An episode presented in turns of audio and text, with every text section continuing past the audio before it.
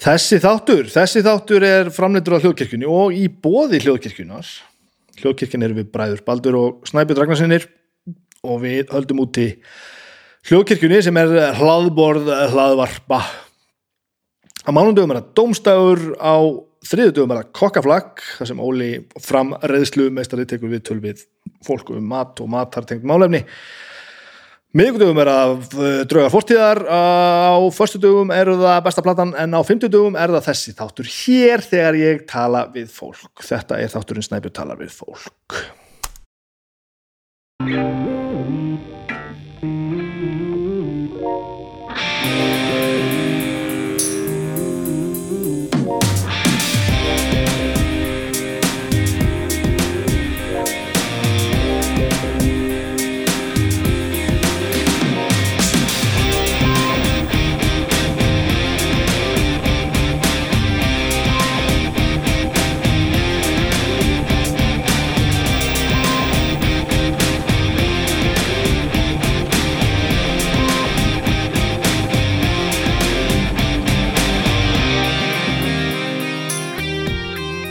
Komið sæl, velkomin í þáttinn minn Snæbjörn tala við fólk. Þetta er nú svona. Ég sitt í veldursporðið enn eina vikuna og allt í blúsandi velgengni. Það er sól úti og bara alls ekkert slæmt veður og, og einhvern veginn allt bara í, í ljóma. Um, stór stór vika baki hjá uh, Snæbjörn tala við fólk. Bara ekkert svo sem frábröðu öðru en við talum við aðra Ara Eldjátt fór á þetta, þetta óskaplega blúsandi flug en er ekkert skritið, stór skemmtilegu maður sem að, að tala við uppistandara sem hefur ekki átlegt fyrir sem hefur ekki kostað því að fara og tala við fólk uh, upp á sviði út af COVID, þann hefur frá nógu að segja, hann að brast stíblan hjá Ara, við töluðum hann í þrjá tíma í síðustu viku, tjekkaðu því, ég er ekki búin að því? Ég viðkenni það þegar að hérna, þegar ég var búin að slökku á tækjunum þá hugsaði ég nú verðum að klippa þetta ansi mikið til. Hefur fólk úttald í þryggja tíma viðtöl? En svo rendi ég yfir þetta og þetta var svona helvít skemmtilegt þannig ég ákvað bara fuck it og leiða þess að fljóta gefa því bara síðan sinn að sjá hvað fólk myndi gera. Og að ég sé bara hér í öllum bakkendum þegar ég mónutóra það það fólk er einlega haft kann að metta þetta. Það var hlusta hér alveg flestir hlusta hér allt til enda og bara og, og njóta þess sem Ari hafði að segja. Þannig að ég, þetta slakka nú aðeins á töfnum hjá mér, ég velti þessi fyrir mér gegnum tíðina svona, gegnum tíðina þess að 20 þætti sem linnir eru. Hvort að ég er reyna að halda lengdinni niður í stundum. Ég finnst þetta svolítið yfirþyrmandi þegar þetta er orðið svona meir en tveir tímar. En með þessa reynslu einhvern veginn í bakk í, í rasvarsanum eftir, eftir þetta spjall á hérna við, við Ara þá held ég að ég hætti bara að pæli þessu algjörlega og ég bara geri það sem ég svo sem ger yfir nú yfir þetta líka ég leifu bara viðtölum að lifa aðeins lengi og, og, og, og þau gera. Maður finnur þetta nú bara hvenar, hvenar, hvenar spjallinu er lokið. Þetta er alltaf frábært og þið eru búin að uh, vera gríðarlega öflug við að deila hamingunu, ég sé hérna alls konar einhverja gefir á iTunes og umsagnir og og deilingar á samfélagsmiðlum og hashtag og, og tögg og alls konar dótt gaman að horfa á Instagram þegar hljóðkirkjan er, er, er töggu þar. Gaman að fylgjast með fólki og sjá hvað fólk er að gera þegar að hlustar, það er mjög, mjög skemmtilegt. Ég veit óska að dagvinnan mín var þannig að ég geti hlusta á hlaðvarp í vinnunni en hugmynda á textasmiður og auðlýsingastofu og ekki svo gott með að hlusta á, talamál þar sem eitthvað, eitthvað áhugavert kemur fram. Þannig ég hlusta oflítið á hlaðvarp þessa dagana, það verður nú að vikynast en verra gæti líf mitt verið vinna mín er frábær. Ég tók nú annað viðtal í síðustu viku uh, á förstu dagin var. Förstu dagin var þá fór ég uh, í hljóðfarahúsið og tók viðtal við Valgeir Guðjónsson. Uh, það er viðtalsýrinni hérna heimsókn í hot hljóðfarahúsin sem við byrjuðum með eftir fyrir lungu síðan. Og gerðum ansi reglulega svona cirka einsun í mánuði alveg allt síðasta ár og, og og, og fram á vor, síðasta vor. Síðan tókum við pásu og þetta var fyrsta svona, þetta var fyrsta viðtali eftir þá pásu að viðtali við, við Valgi Guðansson og það sem við spjöldum hljóð og mynd og alltaf var í bytni þau getið farið á, á, á, hérna, á Facebook síðan hjá hljóðfarhósinu og hort á það viðtal, það er nú einn merkilegu maður, Valgeir Guðansson sagan af stuðmönum og, og spilverki þjóðana og rekkjusvínin og allt þetta sem hann hefur gert þannig að það var ógeðslega gaman og svo spilaði hann spilaði músík í restina allt í beinni. Og við erum bara að plotta næsta, næsta viðtal uh, þar, heimsögn í hodnið þannig að það er, það er verið gaman að halda því áfram. Óskaplega gaman að halda því áfram. Annars er lífið bara einhvern veginn ótrúlega, ótrúlega ljúft. Mínir menn í reytes er að gera slæmt mót sem undarfarið tapar tveimur leikim í röð og svo er ég bara að spila Last of Us 2 á Playstation og ég hlusta mikið á tónlist og svo fór ég að tóku upp á einu sem við, við hérna við gerum hérna skurki hérna í sammenningu fara aðeins fyrir að sofa. Við erum búin að vera að gera það svolítið markvist að fara bara helviti snemmaðin í rúm og leggja okkur bara hansi snemma, lesa kannski aðeins og bara sofa. Og það er náttúrulega sannast alltaf bara, einasta skipti sem maður gerir þetta að, að, að maður er betri þegar maður sefur. Hvað skildi trúa því? Ég held að bara svarið við öllum mínum kvillum sér það, ég sofi of lítið og vinni ekki hót. Þannig að þannig ég er svona að reyna að halda upptöknum hætti. Maður er fljótur að gleyma þessu. Maður er fljótur að gleyma. Maður fyrst nefn að sofa í tvær vikur eða eitthvað allur annar og segir öllum frá því hvað þetta allur annar munun hvað maður sé miklu hressari og til í allt og betri við börnin sín og afkasta meiri í vinnunni og allt í rosa stöði og svo líða bara nokkra, nokkra vikur. Þá hangi maður heila löst yfir einhverju helvíti sjónasefni sem maður þarf ekki að, ekki að horfa á endilega akkurat þá og segur alltaf lítið. Skulum sjá til skulum sjá til helvítis COVID að taka hans yfir aftur. 20 manna samkominnbann sem stýði það að við þurfum að splitta okkur aðeins upp í vinnunni. Þannig að þessa vikuna er ég að vinna í vinnunni á Pippar á staðnum. Næstu viku verð ég svo bara að vinna hérna heima. Við erum búin að standa okkur helvíti vilji Pippar er búin að taka, taka ansi taka ansi förstum tökum að rækta fjárvinnu vinnubröð og erum hún djöfill góðið þessu. Og þetta aftarar okkur furðulega lítið. Ég segi ekki að það sé nákvæmlega sama eða, eða jafn auðvelt en, en og auðvitað er við náttúrulega líka lukkulega með það sem við gerum. Að vinna á ölsingastofu sérstaklega eins og fyrir mig já, reynda fleiri, en, en allavega fyrir mig sem hugmynda á textasmið, þá ég get gert sem ekki heima, þannig að það er ljómandi gott.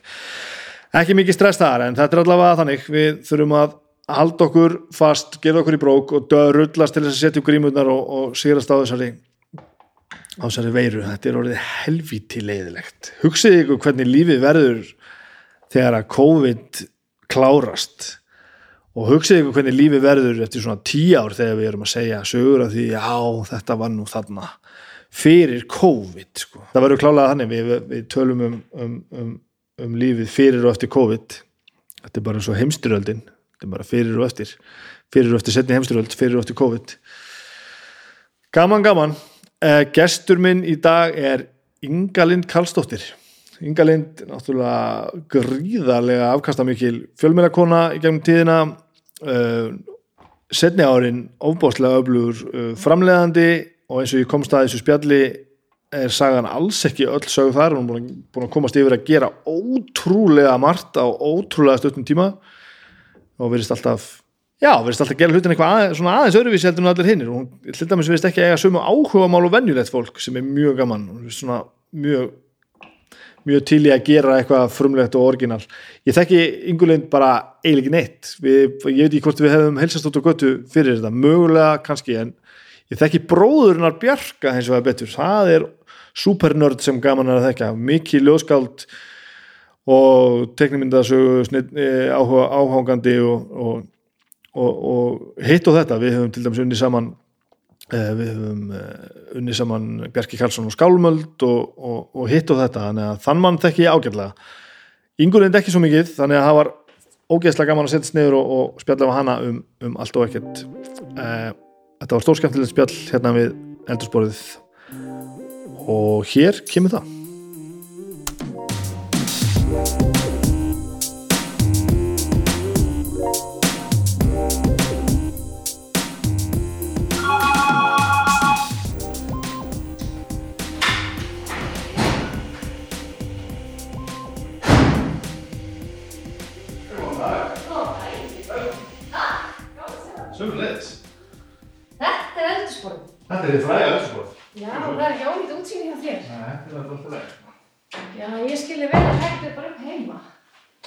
Þú ert með þetta svona?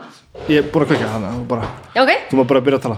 Ég er hérna búin að vera að hlusta á nokkra þætti hjá þér Ok, og hérna, þeir eru náttúrulega rosa langir þannig að ég er búin að vera í viku að hlusta á þrjá þætti. Nei, ekki alveg. En hérna, það er svo gott að vita að þú ert búin að fá COVID. já, COVID, Covid. eða hvað, hvað ég var að kalla þetta? Koronaviruna, Já. sjúkdóminn, pestina, plána. Við, við sko, við urðum lasin í februar, Já, já, við fórum til London í februar, já. Komum tilbaka og fengum ykkur ógeðslega flensu, sko, við tvö. Og þá var bara einhver svona, veist, þá var bara einhver veik í Kína, þetta er svo langt síðan, sko. Og við bara eitthvað urðum ógeðslega ómöguleg sko. og veist, fekk svona beinverki í kjötið einhvern veginn veist, það var svona, veit, veit en við urðum samt bara svona urðum bara svona hundveik sko. við vorum bara frá vinnu bara í tæpa viku eða eitthvað, það var ekki, meira það sko. og svo bara leiði ykkur að vikur eða eitthvað og hérna og þá fóru að koma ykkur að fréttir þetta væri svona að koma hingað eitthvað svona. Og já, og einhver hérna e, sterk enginnir hérna skert lyktar og bræðskinn og við bara ok, við finnum enga lykt finn- finnum ekkert bræð. Bara ok. Og þá sagt, spurðum við hvort við getum komið í tjekk og þá var alltaf fyllast á spítulum og þá var bara nei, það er ekki plássur neinn. Og svo bara líður og býður og, og það er ekkert að gera því við erum ekki lengur veik sko. þá gætilega bóðið upp á saman mótefnum á lengur daginn og þá fórum við bara og þá bara fórum við, þú veist, býðum í fjóra mínútur og dómus blóðpröfa og sko þremur klukktíma setna fengum við e-mail á mótefni Og, börnin eitthvað líka? Nei, við tekkuðum ekki á þeim, sko, Nei, nei, nei. en þú veist, þetta leggst greinlega ekki þannig á börn að- en ég meina hljóta þau ekki að fengir ég veikjast, ég það ég- Hv- hvort er það þannig að börn veikist ekki að veirinu eða, eða smittst ekki Ég bara veit það ekki. Nei, Það er að svo marg sem maður veit ekki. Ég held hérna einmitt líka að ég hefði fengið kannski bara mögulega þennan sjúkdóm í upphafi ársanna Mhm. en því að mér tókst í upphafi árs að fara til Indlands Írlands og Austríkis áður en þetta skallast á okkur. Að svo var ég náttúrulega lasin eins og fólk verður og bara veituna já, og bara, þetta var pottið þetta, hann er viss. En, en það var ekki, þetta, ég bara fengið einhvern annan vírus.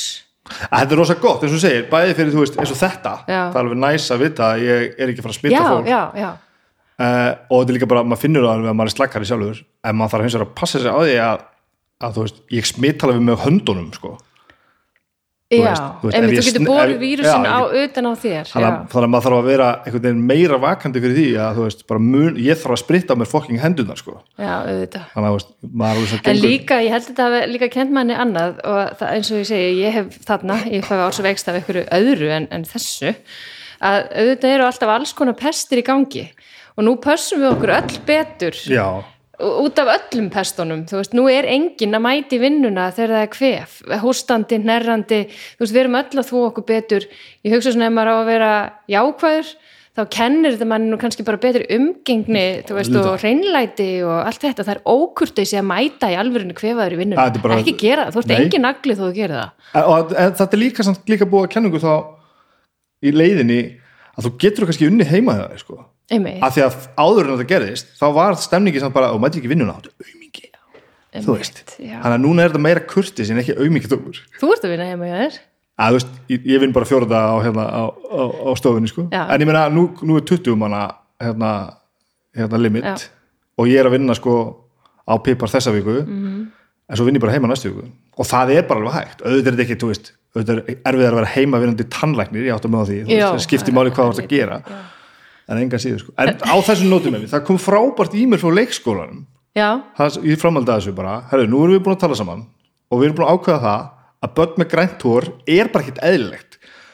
Einmitt. þó það sé búið að vera þannig í 40 ára eða eitthvað þá bara, þú veist, hvaða brjálað er þetta? Hafið börnur ykkur heima að þau eru með grænt hór velland úr haustum á sér Já, og þetta er svo satt og, það, og svo bara fórum við að vinna eftir því Já. og nú er engin með hór á leikskólanum einmitt. af því þau eru bara heima og jafna sig og smit ekki allt drastlið í kringu sig þannig að það er ímislegt svona sko. Það er margt í þessu. Má ég fá kaffi? það er hérna á brúsan Þetta er er mjög heimilislegt sko. er bara finnst það alltaf gaman að þetta taka þetta á mánudagsmótnum það er ekkit allir ferskir á mánudagsmótnum klukkan tíu þetta er samt, ég hef alveg prófað þetta á öðrum tímum Já. þetta er eiginlega best sko. Líka upp að fá fólk til að mæta Já, að það er svo fólki sé svona til í bara já, bara áður en að vikan byrjar. Á, bara er aðeins að reyndar frábært start á vikunni. Já, þannig að það, hvað það var þar þá held ég að það sé alveg hérna sé snjált sko. Já, en þú þekkir þetta örugglega líka. Maður er betri í viðtölum á, á modnana heldur en setnipartin sko. Ég nema maður fá vín. Nema maður fái vín. Það er þetta alveg rétt. En hérna, það getur líka verið hættulegt já, ég fór einhvern tímann í viðtal hjá Pétri Jóhanni eða viðtal, þetta er eitthvað svona skemmti þáttur. Spilakvöldi eitthvað svona maður átti að vera rosa hress og, og hérna skemmtilegur og eitthvað spila eitthvað leiki og eitthvað. Ég fekk mér bjór Mhm. og hugsaði ok, þetta ger ég aftur því ég var ekkert skemmtileg ég bara svona, ah, þetta var svona næs eitthvað föstaskvöldi eitthvað, næs að fá eitt bjór. Ég bara svona loknaðist niður satan og var ekkert sniðu og skemmtileg. Ekki það, ég sé það eitthvað yfirleitt en þetta hjálpaði ekki til. Nei, Þannig að vín er nú ekki alltaf málið sko. Alls ekki núna allavega mánudsmótni fínt að fá kaffi á þér. Ég hérna þykkaði nú yfirleitt sko, ég fyrir ykkur svona þetta að segja, segja já við, við áfenginu sko. það losar um málbeinið. Já, gerir það, ég var einmitt það var einmitt að sína hérna kappsmál, já. Finnst þið það ekki frábæri ekki að veit sko. Já, þú varst í þessu. Ég var eins og nú að síða sko. Já, já. ég var ekkert alveg eitthvað það sko. Nei, og ég alveg horfði svo þáttir og bara já, þeir sem þekkja mig verið, þeir sjá það alveg örgulega æ, það er allt í lagi. Nei, það meina alltaf, það er Já, frábært. já, smá, það er allt gott í hófi. Ekki- svona regla sem ég lifi eftir. Ég held að hófið sé líkillina lífshaminginni ok, alltaf í öllu. Já, ég held að ég bara einhvern veginn þetta á alltaf við en ófóðið er svo, svo skemmtilegt Já, samt. alveg frábært.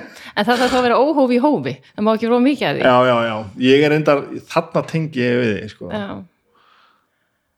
já, þannig að já, ég skil ég, ok. En það er eitt sem ég reynir samt alltaf að gera og ég veit ekki hvort mér er að takast það núna. Ég verð alltaf svona, þegar ég kem að mikrofón mm.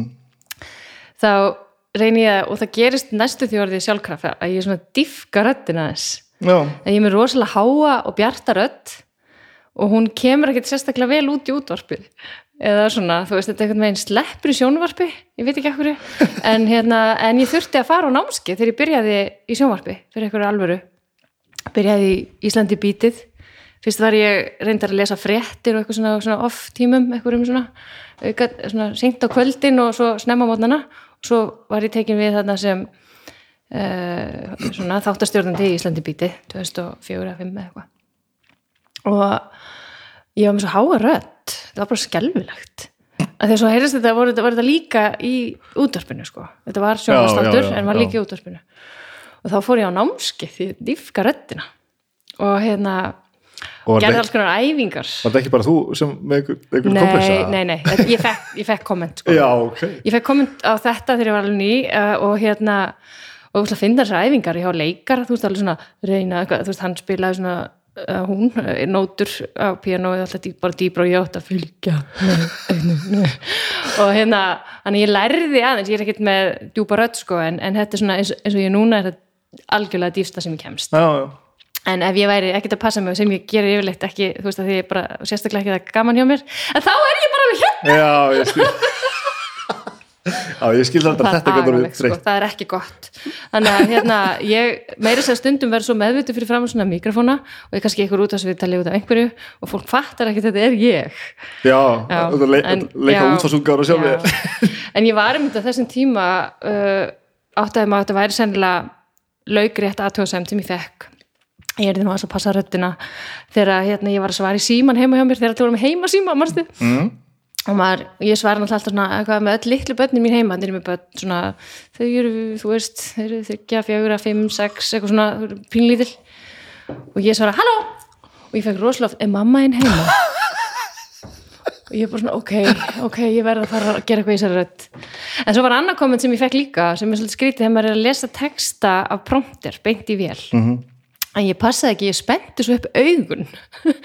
Þannig ég var með svona galopin augu og ógislega bjarta rödd að lesa fréttir á mótnana trúði mér ekki nokkuð maður hana en þannig að þá hérna, passaði ég bara að slaka þess á í augunum dýfka röddina, slakaðu bara á yngalind hvernig hérna endaður þessu sjónvarpstjófi já, það er svona bara eins og annað í mínu lífi, það er bara einhvern veginn leiðir eitt á öðru. Mm.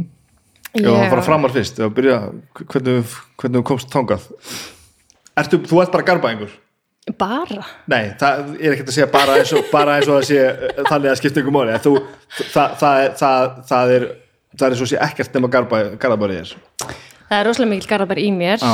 en ég er samt fætt í breiðholti. Það er þannig? Mm, mamma og pappi bjöggu í jörfabakkanum þegar ég fættist ok, þannig að ég veit ekki hvort það fylgir mann eitthvað en hérna, svo var einhver viðkoma í Hafnafyrði og meðan að mamma og pappi voru að byggja hæðina sem að ég er alveg upp á. Ok. Og já, svo leiðis að síðan er ég bara í Garabæ, rétt.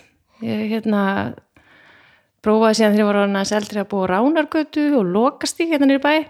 Með sjálfur þér þá eða ekki, já, með sjálfum mér og einhverju fólki. Já, ekki, ekki, ekki. Já. og hérna uh, og svo já, svo bara vildi ég fara aftur í Garabæ það er nefnilega gott að alast upp í Garabæ Já. og um, þegar þú segir svona mikil Garabæ í þér, já, já, en, en þú veist það talaði um að maður fæðist með silfurskeiðina í munninum og maður fæðist í Garabæ já, ég var kannski ekki endalega með það. Alveg bara þetta er svona einhvern veginn. Já, já það er svona bara svo væntum bæmi, þetta er ekki sem frá- væntum húsavík Jú, líka emitt eins og þú veist, þú Já. veist þú að ég er frá Húsavík þannig að þetta er sama alveg sko. bara. það kannski aðeins öðru síðan maður utan á landi en, ég en, veit nefnilega ekki alveg hvað það er mikið öðruvísi ég finnst Garðabær vera þetta alltaf sveit já, já, já, þarna hérna í miðjum á miðjum höfborgarsvæðinu þannig séð að hérna það eru haldin þorra blóti á stjörnunni sem eru mjög sveitó og, og við erum hérna öll stjörnumenn og hérna já, þetta er svona að vita svolítið allir hver allir eru og ja, veist, þetta er svolítið sveit. Já. og við stöndum alveg saman, við gerum það. Um, þannig að manni þykir bara einhvern veginn væntum og raun, þetta var raunverulega sveit þegar ég ólst upp, ég ólst upp á sagt, uh, hérna, garða, ekki garðaholtinu þarna upp á raunsholtinu uh, núna er göngubrót nefnir þegar þú keirir í Hafnafjörð Já, já. þetta er ekki langt frá já, í Hafnafjörðin þar, þar ólst ég upp alveg við Hafnafjörð já, já. Sem var nú ekki fínasti partur í Garðabæ þá, en hérna uh, já, svona yðnakverfi og sápuvest meðan frigg og svona og þú veist, þetta var, ég var alveg upp þar bílavestæði og svona. En hérna þar hinum með göttuna nær hrauninu voru ennþá kindur og beit þegar ég var lítil já, ok.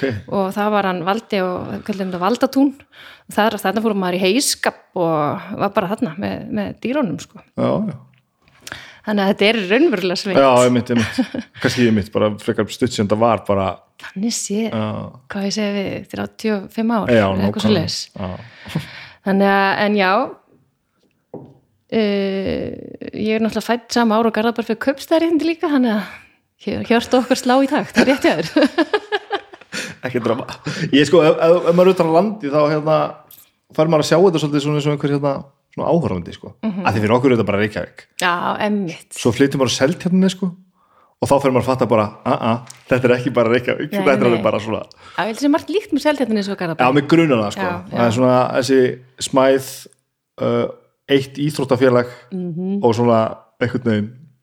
Þið eru samt aðeins meira sjálf ykkur nógu eldur en við, er ekki? Það er ekki eins og Jú. búði þetta sko Nei, emmitt, við erum með verslanir, við erum með IKEA. Já, við erum ekki með við íkja erum með Costco. Við erum að passa mig sko, við erum með vitan bara.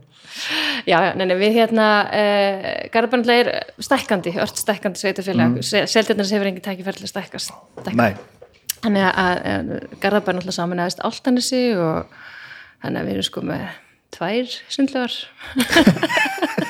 Núna. Ekki að við séum að keppa en við erum með tvær.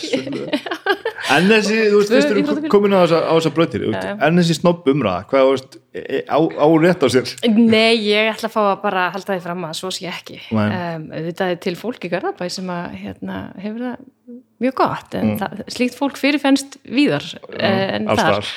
um, Nei, ég veit ekki, pappi minn uh, var alltaf kennari og mamma bókari sem segið þið byggðu þessa hæð sjálf og til að ná nú endum saman þá vann pappi alltaf á bæjarins bestu. Já, já, og hérna til þess að hérna hafa, hafa ná endum saman, já. Og ég man alltaf eftir því þegar hann kom heim að vöktum þá voru eh, engin kreditkort komin sko. Að hérna að koma bara með sæðlana heim og svo var verið að telja sæðlana á eldsporinu og, og hann tók svo sinn hlut og skilaði restinni til eigandans og þessi pulsulykt sem fylgdi peningunum. Það er svona peningalykt í mínum huga. Það er að, að pulsunar eru ég elska bæjarins bestu sko. þú farið svona ríkidæmis tilfinningu þegar Já, þú farið fyrir að fyrir já, pilsu þarna verða peningarnir til. Sem ég held að þessu líka rétt. Já. Nei, nei, svo hugsa ég nú um eh, krakkana sem voru með mér í bekk. Þetta voru, það voru nú fáar silfurskeiðar í þeim munnum sko. já, já, Eh, dóttir brendara dóttir mann sem átti fiskverkun í hafnafyrði uh, þú veist, þetta var bara svona jú, jú, einhverjir voru börn, flugmanna svo sem. En, en En einhverju verða að vera börn flugbála Já, þannig að og, og, og það voru börn sem áttu bara bátt eins og, eins og allstaðar þannig að þegar ég heyri fyrst tala um þessar silfurskeiðar þá er ég alveg bara svona ha? mm.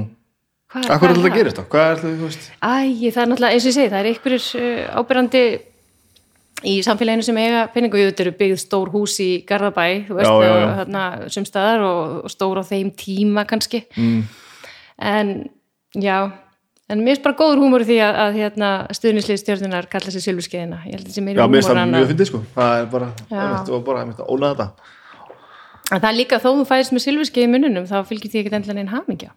Nei, svo er það náttúrulega alltaf náttúrulega ég veit ekki hvað þetta þýðir einu sinni. Nei, þetta er að þetta loðinu líka við, við nesið sko. Og ég er alltaf bara húsvíðingur sem að flutti þú veist, söður um aldamótin og, og bjóð ekkert á selternisi fyrir, fyrir þreymur án síðan, þannig að ég sé þetta einhvern veginn alveg svona utanfrá. Já, og þá er myndum alltaf um leiðut komin svona einhverja ringiðu sem eitthvað í einhverju sem að þú sást utanfrá áður Mhm. þá bara, þetta passar ekki við lýsingarnar. Nei, einmitt. bara venjulegasta fólk í heimi allstaðar að gera sömu hluti og allir aðrir að gera allstaðar sko. það er nefnilega málið, fólk er bara fólk. Þannig að hérna já, en allavega, ég, jú, sannur garbaðingur því leiti að ég var sett á leikskóla í Garðabæ og, og svo fór ég í grunnskóla í Garðabæ og svo fór ég í úlingadildina Garðaskóla náttúrulega líka í Garðabæ og sjálfsögðu fór ég í fjölbrytskólan í Garðabæ. Já, þannig að þarna kannski erum við að tala um garbæðingin, hann er þarna alveg. þarna er garðabængur og þessi garðabængur æfði handbólta með stjörnunni og hérna æfir núna liftingar með stjörnunni. Sér ekki hvað ég er Ég messu er bara ætla að geima þessu umræð, við getum tekið þetta strax. En hérna, já, já Þetta æfa liftingar svona eins og bara uh, til að keppi liftingum. Það getur bara vel verið Já, já, af hverju? Ok, þetta átti ekki að hljóma svona ræðilega ok. Við mögum alveg fara svona fram og tilbaka í þessu þetta við þurfum ekki að vera við- með í einhverju krónológiski röð. Nei, við ráðum. Já, sko ég er miðaldra núna. Ok, og ég er farin að nota lesglerugu á, það er komið grátt í vanga og, og hérna, ég áttum alveg á þessu öllu. Börnum mín, ég sé á börnunum mínum að það getur ekki verið að ég sé ennþá 20 og eitthvað.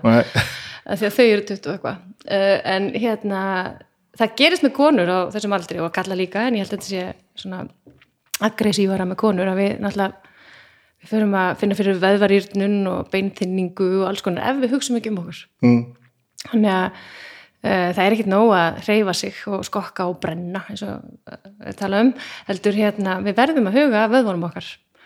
Og ég er bara mjög meðvitt um það þannig að ég er svo sem er ekkit farin í liftingar af því að ég ætla að verða sterkasta stelpan á Íslandi nei, ég held að það gerist aldrei. Ekki frekar en ég verið djúbrátaðasta konan. En hérna en ég bara já, ég held að þetta sé mjög nöðsöld og ég held að ég bara veit það uh, upp á framtíðin að gera að, hérna hafa vöðva búskapinn í góðu lagi til þess að verða upprétt af því ég ætla að verða mjög gömul og ég ætla að verða upprétt geði við plan Það er frábært.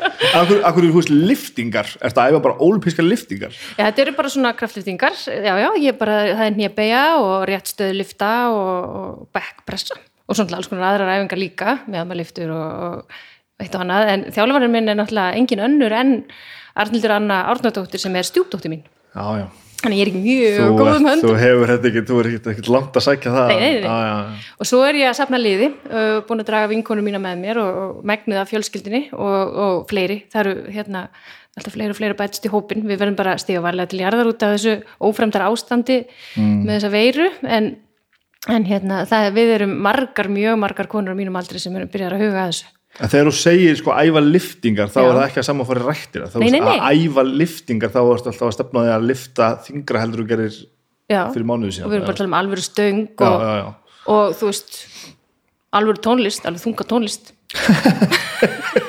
sem að þingri heldur inn í rættinni já, það er bara þannig veist, þetta er hérna svona hardcore, Já, ég er með liftingar sko. þarna held ég ég myndi aldrei fara sko. kannski, áhur ekki ég já, Þetta er mjög gaman. Þetta er óbúslega gaman. Ég, ég alveg, á fyrsta hefingunum fekk ég kústskaft. já, ok Það er ekki alveg rétt. Á fyrsta hefingunum fekk ég ekkert. Svo fekk ég kústskaft, bara til að æfa. La- tæknina bara. Já, bara hreyfinguna, já, og stöðuna. Svo er það stöngin. Og svo byrjar maður að bæta, hérna, bara svona litlum lóðum á stöngina, ég er alltaf að vinna bara með svona geisladiska því ég er ekkert sterk Já.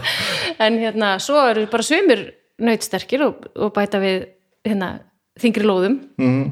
En hérna, alltaf fagnar maður jafn mikið með hverja bætingu. Já, já, einmitt. Og svo finnum maður bara að manni líður svo miklu betur. Já, alls konar verkir fara sem voru og bara lífið verður léttara þegar þú ert sterkari. Ástæðan fyrir ég var svona, svona efins í röddinni, ég sagði myndi aldrei fara í liftingar sko, að því að ég frjálsar. Já. ég var, að, ég var í unglingalandslinni frjálsum sko. í alvörunni. Akkur er það svona skríti ég veit það ekki, bara frjálsar eru svo framandi það er enga frjálsar í Garðabæ það er ekki til.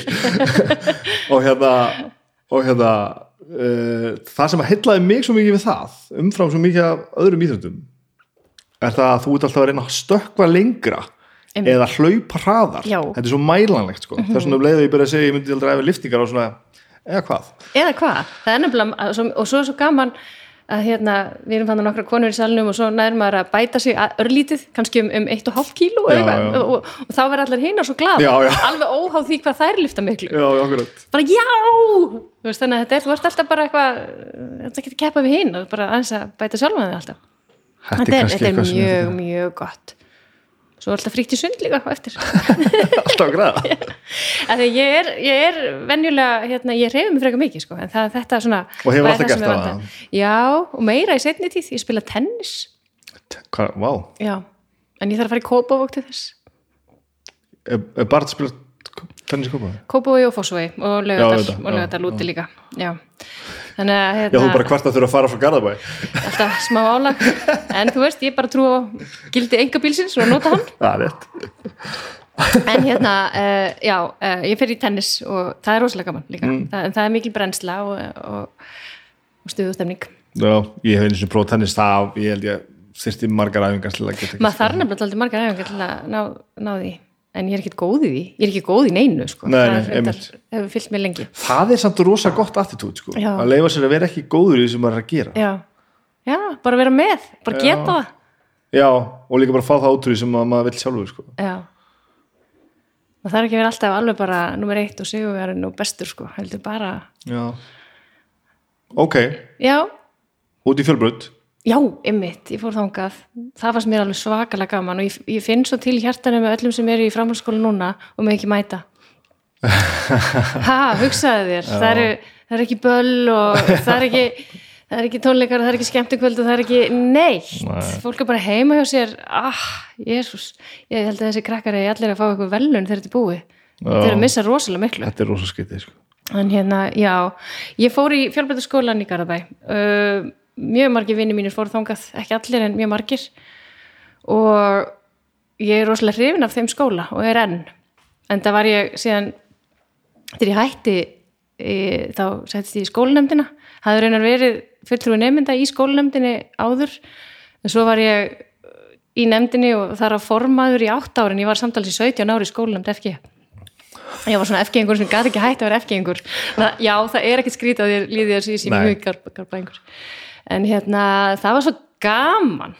Og ég tók svo virkan þátt í félagslífinu og var náttúrulega svona formaður nefnda félagsins og ég var alltaf í ræðuleginu Já, þú ert alveg þessi típa sem strax.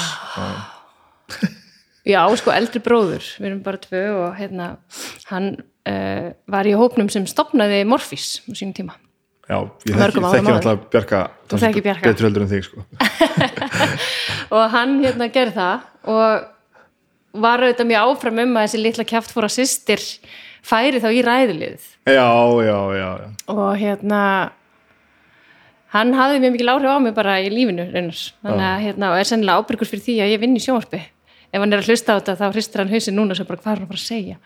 En, en hérna, að því að hann hafði bara alltaf trúa mér og hann, sko, hann er 11 ára þegar ég fæðist og ég er alveg ægilega mikið dúlla ég er rosalega mikið krút, lítið barn. Ég hef sér myndir, það er alveg satt og hérna, og hann fær þarna þú veist þess að þegar ég er 30 ára þá er hann 14 og þetta var bara eitthvað sérstætt áhugamál hjá honum að, að láta mig gera eitthvað sniða hluti. Að því að, hann- að lítil börn alltaf geta allt þú getur kent þeim svo margt. Já, þannig að hérna, ég, ég var rétt fyrir hann að tala þegar hann setti mig upp á stól og let mig fara með hérna, það mælti mín móðir sem ég skildi kaupa. Þú veist, svona svona kveðskap sko, þannig að hann var sagt strax orðin þessi gaur sem hann er núna. Hann hefur alltaf verið svona. Ok, alveg frábær. En hérna, uh, já, hann- þetta svona hluti kunni ég og, og hann var alltaf eitthvað, hann leiði mér að koma inn í herbyggsít og hlusta á reggi og veist, hann hafði rosalega mikil áhrif á mig. Já, uh, og svo er þetta bara þú ert að fyrir ræðli og það var bara að byrja strax í rauninni þegar ég var miklu yngri í garðaskóla. Ég þurfti að standa upp á svona kókkassa til að sjást upp fyrir pontuna.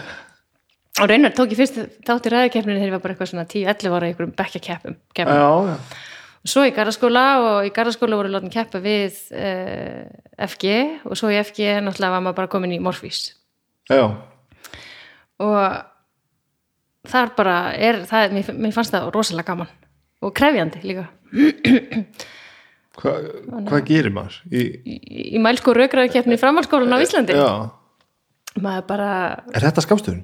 já Ma, ég held ég aldrei veit þetta að það ekki, Þetta er rosalegt maður uh, við, það er bara, þú veist, ég held að þekki þetta nú flestir er það ekki, það er dreigið um umræðefni það er dreigið um ég veit hvort hvernig það fer fram þegar þú ert komin sko. Já, já, já, já. En hvernig ætlar þú að, að æfa þig á þess að vera bara þú veist, góður í að koma fyrir orði Þú æfið, þú, það var viku undirbúinstími að minnst kosti eins og þetta var þá og hefur held ég lengst að verið þannig. Þannig að liðið kemur saman með umræðefni sitt og afstöðunum sem það tekur og æfir sig, það er tvær ræður á, á lið, nei á mann Veistu fyrir svona hvað þú ert að fara? Já, já. já þú hefur, hefur vikl undirbúið þannig að þú þarft að hugsa sko, ok, hvað ætla ég að segja þú ert fyrst, frumælendina fyrstur svo kemur meðmælendina svo stuðnismæðurinn Já. og hvað ætlar frumælendina, hann byrjar þá að leggja línuna með þessu, hvað kemur þá meðmælendina segir og, og stuðnismæðurinn klikkir svo út sko í Já, lókin já. og það eru tvær umferðir og þú veist að hitliðið, hvað er það að fara að segja það er að fara að segja þetta, þetta, þetta Já, er að þetta er náttúrulega í vælsku list þú þarft að Já. lesa í það sem kemur á móti Já, hvað munur þeir segja, hvað myndir við segja alveg, ok, ef þeir taka þetta þá fyrir við þangað Ó, þannig að þú ert ekki að æfa handrit þú Nei. þarft að vita ég þú ert með, svona, þú ert skil. En svo ertu samt tilbúin með alls konar svör og mótrög eftir, þú veist, hvað er hinn að segja. Ert tilbúin í hvað sem er. Þetta er náttúrulega mjög gömul íþróttagrein ef þetta er kallið íþrótt en ég meina, Já, þetta er svona frábært. Grikki til forna stundu þetta, heimsbyggingarnir allt, þetta er, þetta er eldgamalt. Já, já, og, og, og frábær þjálfun bara fyrir lífið. Já, og hérna ég náttúrulega átti svakald bakland í Bjarka bróður sem er líka þjálfaði liðið stundum. Og, um, og endaði þannig að ég var nú fyrst kvenna kjörin ræðumæður Íslands. Já, ok. Þannig að síðan held ég að það séu nú bara tvær. Jálfur Já. Já, en vonandi er það að breytast. Mhm, og tvær eða kannski er það þrjár. En allavega það, það er hérna, þetta hjálpaði manni mjög mikið bara með rökhugsun og það að sjálfsögða að koma fyrir sig orði uh, og allt þetta. Og ég var með svo skemmtilegu fólki líka alltaf í liði og maður kynni svo mörgum og en veist gallin við þetta er eiginlega ég, þegar einhver ætlar að rífast við mig þá er ég óþólandi ég bara dett aftur alltaf í morfís þegar á að rífast. Það er bara keppni. Já, ég fyrir keppni og ég ætla að vinna hana. Og er og rátt það er jafnvel, ömurlegt sko, að vera þessi típa. Þá vantar í mig alla svona sympathíu og allt sko. Ég er, ég er bara, en þú sagðir áðan þetta stemmer ekki með það sem þú sagðir áðan þú veist, oi, ég held að ég sé ömurleg þegar ég þarf að taka eitthvað svona tilfinningalegt reyfrildi Þú búið að þjálfa þig Já, ég er þjálfuð í þessu, pælt í og ég er orðin gömul og, eða svona miðaldra og hérna er enn í þessu. En hérna, já, þetta er einu gallin heila já, þetta hefur hjálpað flestum öðrum sviðum. Og vissur þú þetta ekkert hvað þú ætlaðir að verða þegar þú verður nú stór? þetta er samt eða svona undanfæri að því sem kemur svo Veist að því að þú- þannig er stónum vanur að koma fram Mhm. -hmm. og þegar, sko, þegar við vorum í þessu maður var að keppa, þetta morfís stórt og var og er og mættu alltaf mjög margir á keppni og slita keppnin er í háskólabíu að mæta þúsund manns og þannig að ég venst í þarna að þetta snemma að fólk veit hver ég er þetta er áður fyrir tíma samfélagsmiðla og svoleiðis en svona ég venst í að fólk er hei, þú ert í ræðilunni í FG það ekki þegar maður er staðar sko. já, já, já þannig að um, og svo veit ég ekki hvað það er kannski þessi þessi þjálfunur æsku að koma fram og, og fá endurgjöf þá veist, og, og svo er það morfís og allt þetta Já.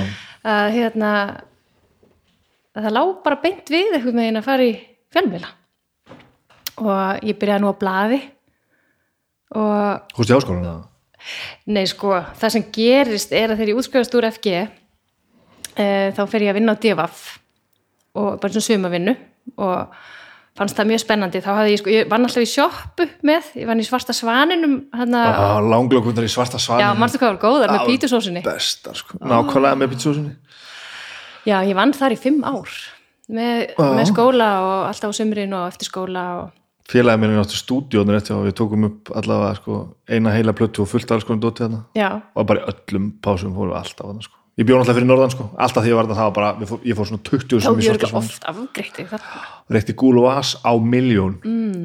bara samt þegar fyrir sunnan sko. já, bara þá það var ekki til held ég á húsæk sko. Nei, ekki flutt þangað og já, maður kynntist nú mörgum í svarta svaninum, það var æðislegt en hérna já, og, og, en þa þangað komu alltaf svona einhverju sem voru aðeins fyrir og svona undan mér í lífinu Gísli Marteinn þú veist, og hinn voru þessi sem fengur svo vinnu á DFF sem blaðamenn þú veist, á sumrin, og ég öfundaði þá svo.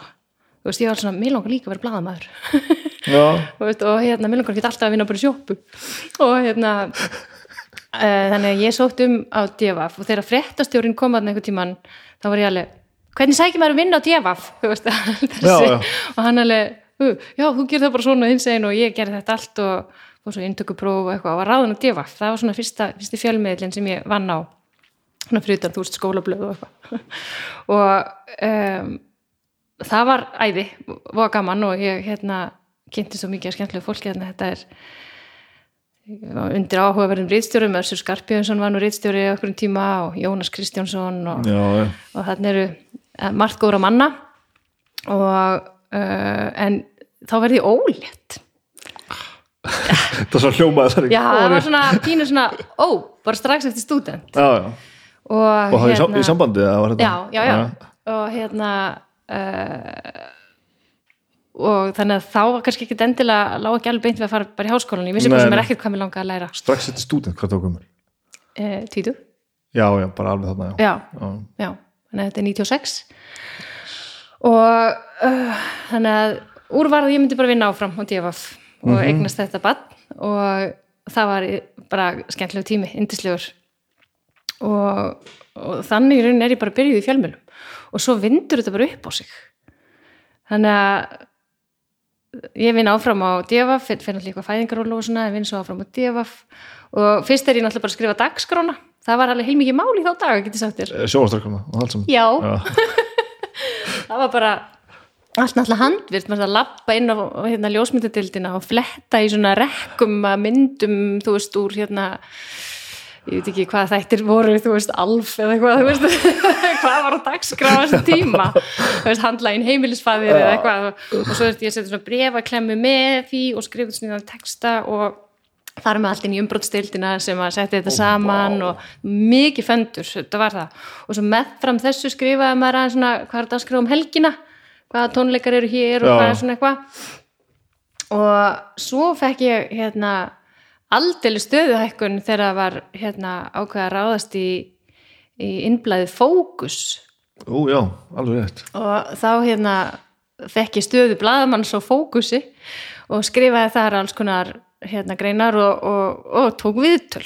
Þannig að hérna ég svona síðan ég var bara rétt rúmlega tvítur, ég er búin að vera að gera sem þú ert að gera. Já, já. Taka, taka Og viðtöl. það, það, er svona dægumála blað Já. já.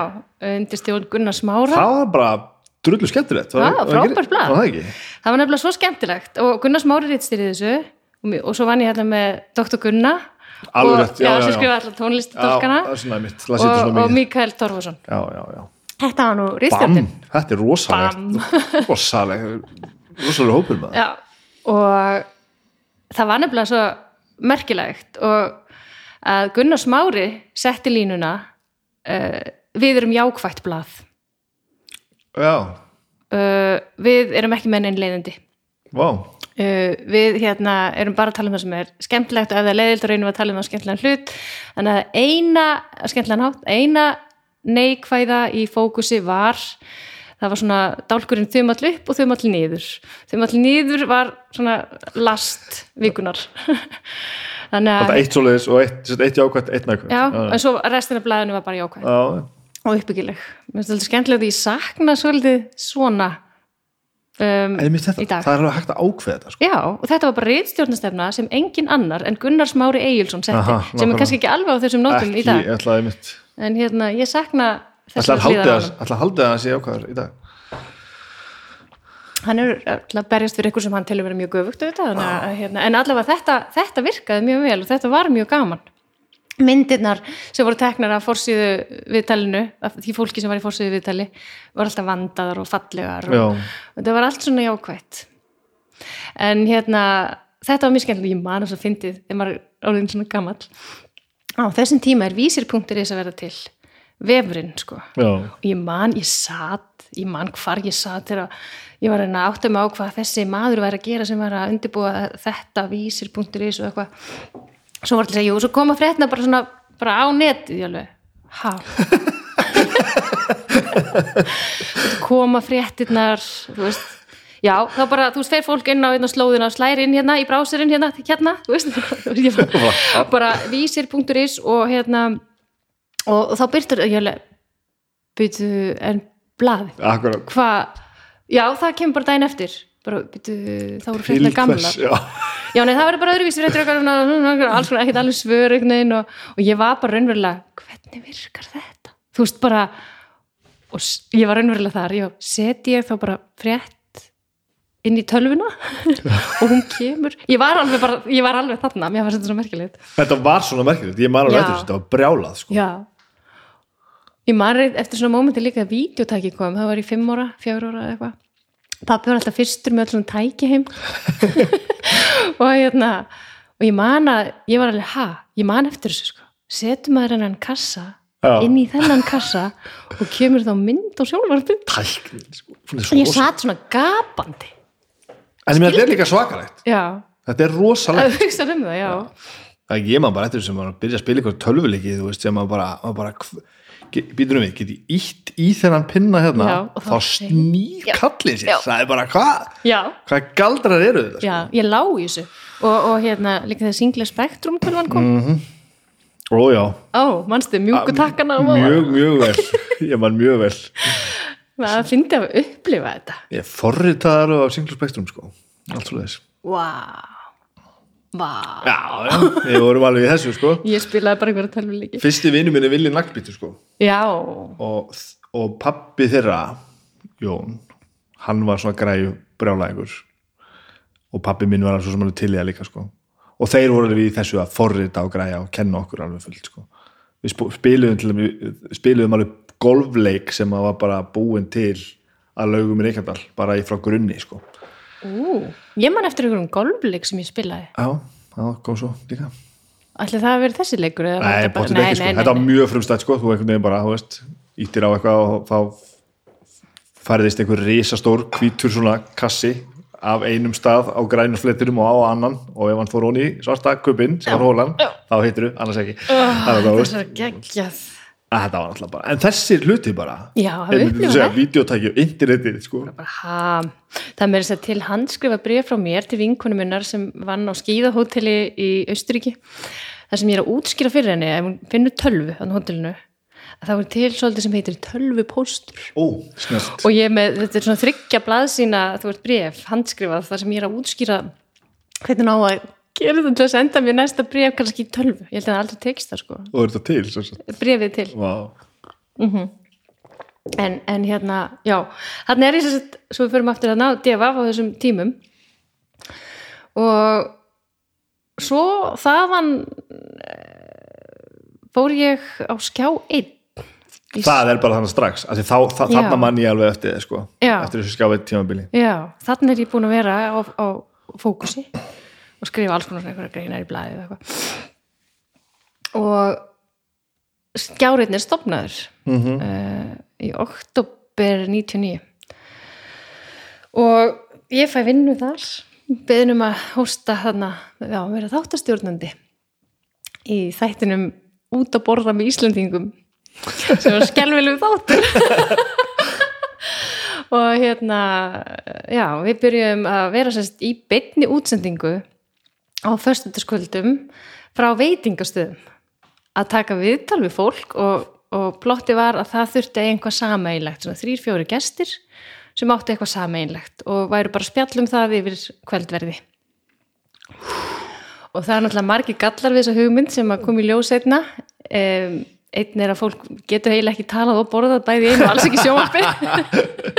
Það verður mjög. Og það er líka óþægileg hljóðill nývapurinn og veist, hérna, skarkalinn á veitingastæðanum og pyrraði veitingastæðjandinn sem hann alltaf var með undirlaðan staðin í þessu í staðin fyrir að fá alltaf kunnana þannig að það voru mjög margi gallar því vorum aldrei á sama veitingastæðanum, það var alltaf farið á nýjan og nýjan. En hérna fyrst var ég með uh, mann sem heitir Kjartan sem var svona með, meðstjórnandi við vorum tvö, en hann hætti og við tók Björn Jörundur. Já, þannig ég var sem sagt með byrni Jörundi á fyrstutaskvöldum að taka viðtali fólk sem átti eitthvað sameinlegt í byrni útsendingu þarna þennan vetur. Vá. Já, þetta var mjög æfintýrlegt Það var ansi margt mjög aðeintýralegt Já. já, fyrst. og ekki allt gott. Nei, en samt margt mjög ba- gott bæði margt mjög gott já, já, já, og, og líka stundum svolítið frábært að fólk hafi fengið mm. vondu hugmyndir og framkvæmdar að því að já. það þurfti að sparki í raskatið á einhverjum manna sko. það var Algjörlega. eins allt saman var, það var algjör stöðnun í sjónvarpi á þessum tíma þannig að frábært framtak hjá Átna Vigfúsinni og, Já, og, og Kjartani og, nei, já, Kristjáni og þeim sem að þetta gerðu þó svo að það hafi síðan farið eins og það fór já, já, svo er það annar mál sko. en þarna urðu til mjög margir sjáhansmenn og þarna voru uppgötaði ma- margir talentar. Já. þaðan kemur Silfur Egils og, Já, já, og, hérna, og svo margt annað sko. hljómsveitin Buff er nú basically stopnuð þarna sko, í kringum þáttagerð og, og bara eitthvað svona húsband og eitthvað. Akkurat. Alls konar svona sko. Já, það var svo margt. Og, og, og svo margt fólk. Og hérna, þarna gerði ég já, all bara fyrstu mistökinn sjónvarpi og það var bara frábært að afgreða það eins og hvað?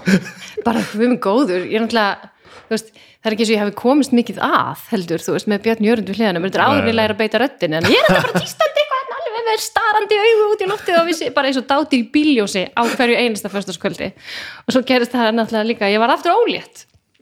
Og hérna var ekki einu svona sæt þú veist, ég var bara einhvern veginn þrútin og þú veist, feit en hérna bara, bara gaman aðeins, þetta var bara skemmtilegu tími. Og hérna uh, já, eins og ég segi, lærði margt. En þetta voru mörg stórmerkileg viðtöl. Já, einu sinni voru við með fólk sem átti það sameinlegt að selja hörbalæð einu sinni voru við með fólk sem átti það sameinlegt að vinna á auðlýsingastofu mm. töluðum um áhugaverð umræða já, já, já. og einu sinni vorum við með trúarleitóa og vorum með hérna já, við vorum með allsýra góðan og við vorum með Gunnar í krossinum. Og við vorum með vottum í hófa og þetta er rauninni sögulegt að ræka þessu fólki saman og svo brest úr kirkjunni. Þannig að það, það var margt mjög áhugavert. Um, kannski verður þessi þáttur ekkert um að endur tekinn og útferður bara þess öðruvísi. Það er svona pæling fyrir er mitt, ekki- mitt fyrirtæki bara. Þetta er ekki villis hugmynd allavega. Nei, hún er góð í grunninn sko. En það er bara eins að útferðina betur. Maður er nú lært eitt annað eitt og annað síðan þá kannski við svona sjómanstáttu framlýslu en hérna svo þegar ég búin með þetta og búin að eignast mitt litla barn og, og annað til ég, ég var alltaf ólétt á þessum árum ég var bara alltaf barn er Hvað áttu mörg- áttu mörg? Já, fimm. Já, en ég á, sko, elsta er stjúpdóttir mín, Arnhildur sem að er nú þjálfarinn minn líka. Akkurat. og svo á ég 50-50 stjúpdóttur og þjálfari? Já, er hún náttúrulega fyrst og fremst bara dóttir mín og yndisleg, hérna, yndisleg manneska hún er svona límið í fjölskyldinni og hérna og hún næri öllum saman. Dásaleg manneska um, og svo ég, já, þessa sem er fætt 97 og eina 2000 og svo strák 2002 og svo kom ein í lokin 2008 Já, hann var svolítið mikið að gera hjá mér á þessum árum. En, en, en bara gaman, bara gaman. Maður setur í eitthvað gýr Þetta er ekkert bara gaman, látt ekki svona Þú er bara búin að gleyma hinu Örglega, já, af því að ég svaf ekkert um hann ekkert. Það er rosa fljótar að gleyma sko. það er reynda rétt, við fundum um árið gamla svona heima upptökur á um einhverju vídeokamerur eins og fólk gerir og rosaloft maðurinn minn sofandi eitthvað á gólfinu. Já, Sopnaði, svo var leikað krakkan og sopnaði. já Og rosaloft við rosa þreytuleg, það er ekki... Nei, þetta er brjálað sko. sko. Þetta er algjört brjálað maður gleymir strax Já. maður er látin gleyma svo Já. maður sé til, til að gera þetta aftur og tókst rosa vel hjá mér, ég gleymi mjög hrætt en hérna ég á líka en yndislegan hóp sem að marg búin að verðluna mig fyrir þetta Já. hérna í dag en maður ákast ekkert mikið, ég var um þetta að hugsa á þannig kominga og maður er eitthvað mikið að tala um börnin sína því að þú veist, maður getur gert það með þau lítil en svo verða börnin manns fullorðin Mhm. og þá eru þau orð- orðin sko, svo sjálfstæð og bara hérna, sjálfstæð mannverur. Á maður þá mikið að vera að tala um þau? Eða þú veist, ég veit ekki, hvenær hættir maður að tala um börnin sín, þú veist, í sveimaklubnum eða, eða með vinunum þú veist, mamma mín allavega er ekkert hægt að tala um mig sko. Er ég er ekki? orðin 42 sko. já, og mér finnst það bara gott. Ok. Maður er, er maður ekki bara pyrraður þú veist, á milli svona 14 og svona 30 ára svo fer maður að fatta bara þetta er bara næs. Varstu pyrraður í 16 ár? Ja, á því að mamma var eitthvað bladur um já, svoleiðis, já Æ, ég, ég var pyrraður með miklu lengur sko. Æ, að það, að það leistist þú alltaf en þú veist ég, ámaður eitthvað að sleppa því að vera fóreldri barnana sína. Nei, en þú veist hversu mikið á maður að, þú veist, ég, ég, Það svo, svo ég, svo, drama. ég, svo, ég geti verið hérna í, í marga klukkutími, svo stolt að þeim og þau eru svo frábær, þau eru öll hvert á sínu sviði að gera svo stórkostlega hluti og afreg og finnst þið svo meira áttar að, að ég eiginlega kemst að þeirra niðurst að, að því ég sagði hann ég væri ekki góð í neinu, ég hlýt að vera góð mamma, það bara, Já. þú veist, já, ég ætla að fá að rósa mig fyrir það og ég er svo sem óluði ekkert upp einn, það er náttúrulega maðurinn líka og, og bara allt samfélagið. En hérna en já, þegar maður horfir á útkomuna þá er svona hó, ég gerði eitthvað rétt í lífinu. Það að er frekar gott ef þú ætlar að velja eitthvað eitt til Já, að vera góður já. í það er að, það Já, er að koma börnunum sínum á góðan stað.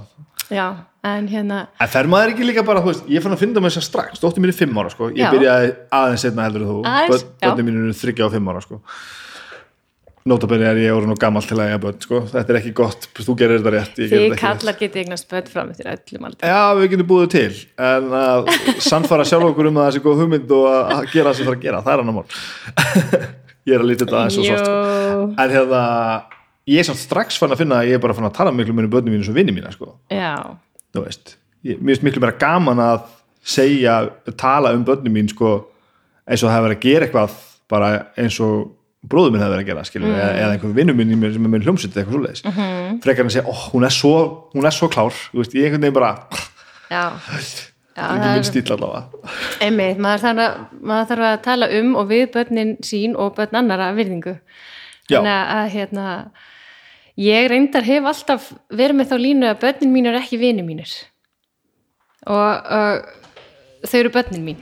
Og það er alveg sérstök staða og ég er ekki besta vinkona þeirra þau eiga aðra vini Hm. og, og ég ætla ekki að fara að láta taka af mér það hlutverk að vera móðu þeirra með því að vera bara vinu þeirra en Ok, að, að, ok. að ég er sem sagt þau, ég ætla bara að leifa börnunum mínum að eiga sína bestu vinkonu eða besta vin, Já. það er ekki ég ég er mamma þeirra og ég er alveg hérna þú veist, þetta áttu vin í mömmuðinni eða, eða í barninu þínu, þetta getur verið það þar. En, en þetta er staða sem ég, mér þykir mjög væntum og ég ætla ekki að láta breyta henni í neitt annað. Og eh, þetta bara eh, snýr á svo mörgu einmitt, þegar kemur að, að virðingu og, og hvernig fólk nálgast hvert annað. Þannig að, mín börn eiga aðra bestu vinni en mig. Nú veistu alveg búin að fokka í mér sko. Og, og stjúpdóttir mín uh, ég var svo lánsum að þegar hún kemur inn í mitt líf þá er hún 7 ára, svona 7-8 ára.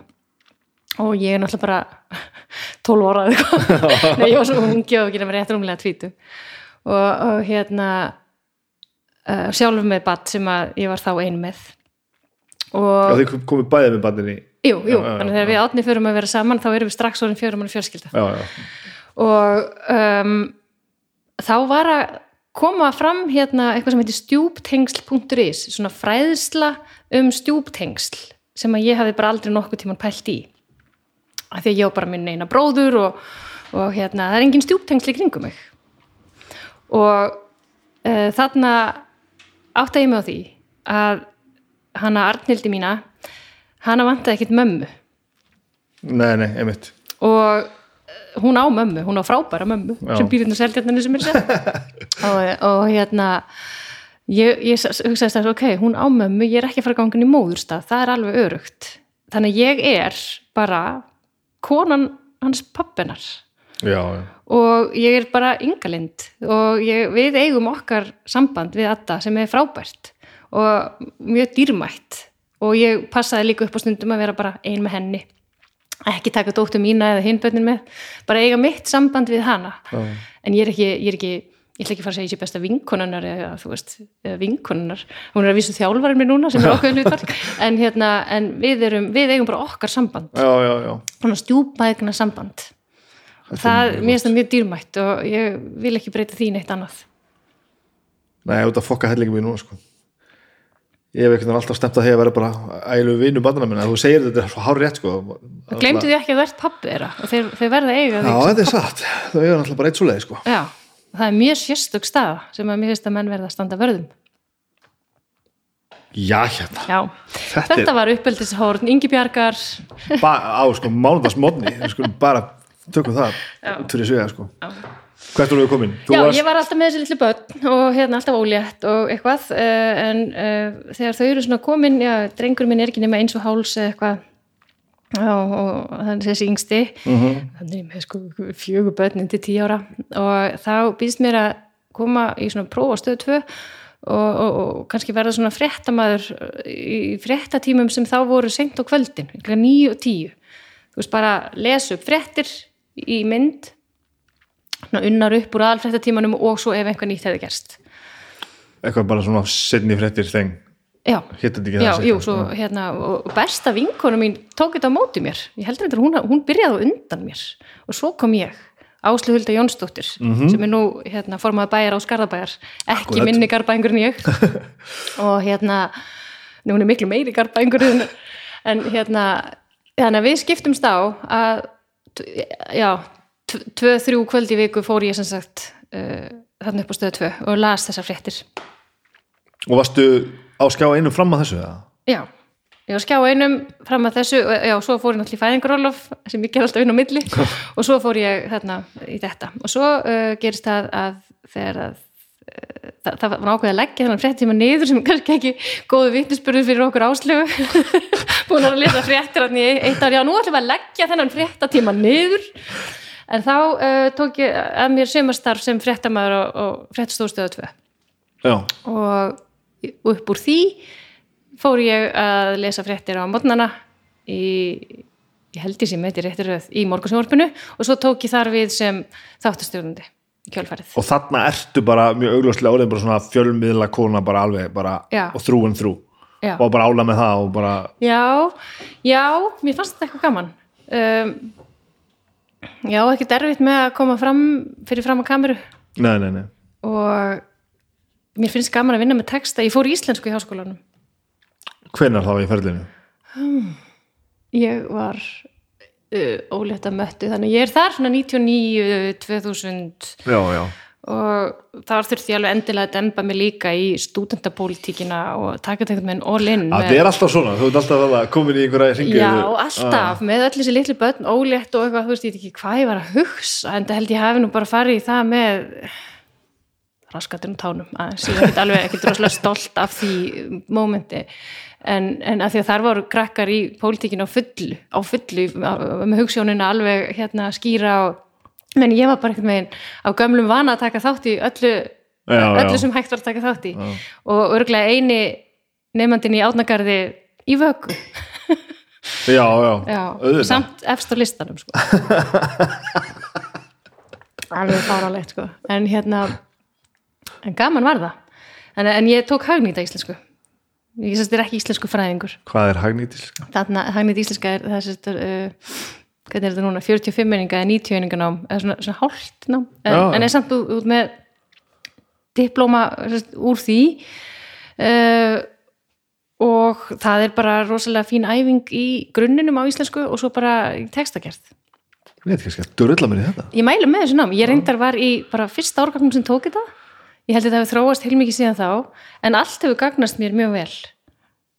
Mjög, mjög fín mjög fínt og gott nám kannski að vera að taka stúdinsprófið fyrst en, en svo kannski skoða þetta. Já, það er það, já, Nei, ég heldur þetta að það sé ýmsar aðferði til þess að gera þetta veginn já, já, örgulega ég fór líka í listfræði svo einhvern tímann setna og það var bara ganni. Bara, mér langaði svo að hérna, skilja list betur. Og þetta er svona listgaggrinni og, og hérna og það átti líka dálítið vel við mig að því að þú ert svolítið að taka myndlist og komin í orð. Þú veist að lýsa uppbyggingu myndar eða, og svo lærir náttúrulega þetta sögulega þetta er mjög merkilegt, það er bara listasaga og hérna, mér fannst þetta mjög skemmtilegt. En ég, ég kláraði þetta ekkert, ég fór bara í þetta þegar mér finnst þetta gaman. Ég ætti sennilega bara að fetta í öll þín fótspóri ég hefði verið gaman að, að hafa gaman að það fara á söfn. Ég fyrir bara á söfn og bara snýst í ringi sko. ég veit ekkert hvað er að gerast, skilur þetta ekki. Þetta þarf heldur ekki að skilja. Mér langar að skilja þetta. Já, en ég held að ekki einu sinni listamennin sjálfur skilja þetta. Nei, nei, kannski. maður á bara að fara og njóta og já, hérna, ég næ ekki að njóta sko. ég einhvern veginn bara að horfa á bara, hva, hvað á ég að vera eftir típan hérna, er þetta nú list? nei, ég er bara, ég hef örgulega einhvern tímann hvað, ég geti nú gert þetta? Eitthvað svona, nei, ég held sem komin yfir það sko. en, En já, ég kannski bara fer ég einhvern tímann sérst aftur í skólabæk og læri meira í listræðinum, ég fannst það svo gaman. En ég var alltaf í upptökjum eitthvað annað, ég man ekki alveg hvað var. Það er ekki patt en hérna, já, þetta er já, ég var alltaf sett með þessi börn og svo fór ég henni verið stöð tvö og svo var ég í Íslandi í bíti og svo var ég alltaf komin í Íslandi í dag og þú veist svona bara vind, vindur þessu fram með fram námi og uppeldi og og þessi vinnu tími ekkert að fokkið er með börnin og allt saman bítið. Já, Það bara fjölmennar eru bara að kemur oft. Jú, þeir eru erfiðir. Og einmitt bítið, sérstaklega Já, bítið var rosalegt. Já, ég hérna var í því ykkur tvö ár allavega sem þáttastjórnandi sko með fullt hús af litlum bönnum en það var ekkert öðruvísi en það hérna, og þannig sko átni maður minn uh, sjálfur forstjóri í stórfyrirtæki. Já, þannig að hann var ekkert að dunda eitthvað heima á mótnana svo þess að við fengum hjálp til að koma bönnunum út á mótnana ég var náttúrulega farin klokkan fimm. Já, já, já. og svo kom mammenar áslöðar vinkonu og, og hérna tók að sér svona ömurhlutverk á mótnana og fór með þau í, í leikskólan og svo sótt ég þau bara þegar ég var búin í útsendingu búin að undirbúa þáttun fyrir daginn eftir eins mikið og ég gata því að svo náttúrulega þetta er í alveg áður en internetið og öll þessi hérna uh, upplýsing er stöðugt að koma til manns þannig að þú varðst að ná kvöldfréttum. Já, já, nákvæmlega. Til þess að vita hver er þið mögulega maður dagsins á morgun. Úf, og, og ringja en ég var að vinna fram eftir öllu kvöldi alltaf líka, ég kannu aldrei að fara að klukkan 9 10 sem ég hefði þurft að og gera alltaf að ringja alltaf að ringja, það var aldrei send, nei, sem var aldrei send skilubæð SMS eða eitthvað þannig, það var bara sæll, þú veist, yngalinn og hérna og svo er þetta bara alltaf tveggja tíma bein útsending frá 7 til 9, hverju með einsta mótni Vá. þannig að þetta tók á sko. Ég ætla bara ekki rétt trúa því en þetta lítur að hafa verið gaman svona með að já, eitthvað þetta gekk. sem var gaman ég, bara, mér, ég er í eðli mínu sennilega þetta aldrei forvitin. Og það er líka einhver þörf hjá mér þegar ég kemst að einhverju merkilegu þá verði ég bara að segja frá því. Og ég er ekki að segja að ég Þetta heitir að slúðra, þú áttur að því. Nei, nei, ég er á ekki við það. Ég get alveg það að við lindum það er, ég, það, ég, ég get það. En, en hérna eins og þegar ég komst að því fyrir einhverju tililinn að hérna og bara, og svo sem ég bara, bara veitti því aðtigli einhvern veginn að, að það væri alveg óbúslega stórt hlutfall barna á Íslandi að glíma við offitu. Að þá hvað ég er það búið til heimild að þáttaröðum það. Já, já, veist, ég, það er eitthvað svona. Veist, eða þegar að já, maður kemst að einhverju stór merkjuleg einhverju sem bara er frétt. Þá finnst mér bara að hún verði að fara út.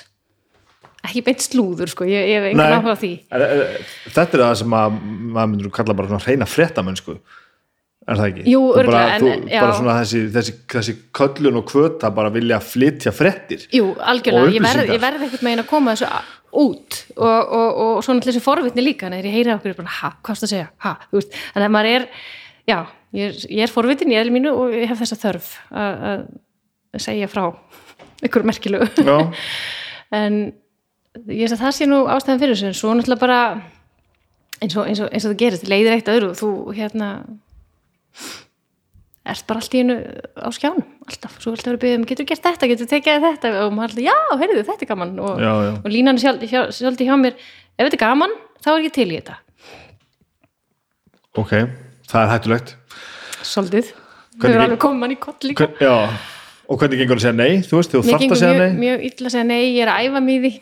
Og hérna eitt skrefið var að segja já, leiðu mér að hugsa um þetta, ég skal hringi þið tilbaka á morgun, Já, ég var alltaf, já, ég til það. Var alltaf þarna sko, en það, maður þarf líka að kunna að segja nei. Já, og, og ég geri það alveg núna. Bæði í einhverju svona sem tengist framkomu eða eða, eða bara einhverju öðru lífinu sko. Að- en allavega ég svona eh, ég hef tekið já, ófá viðtölu voru svona, í, í bítinu voru svona, það voru svona 7-8 viðtölu okkur meinast á mótni Vá, sem, og maður þarf að undirbúa sig eins og þú veist fyrir hvert og eitt þeirra, það skiptir einhver máli hvort þú ert að fara að taka viðtal sem er 10 mínútur eða 2 klukkutímar.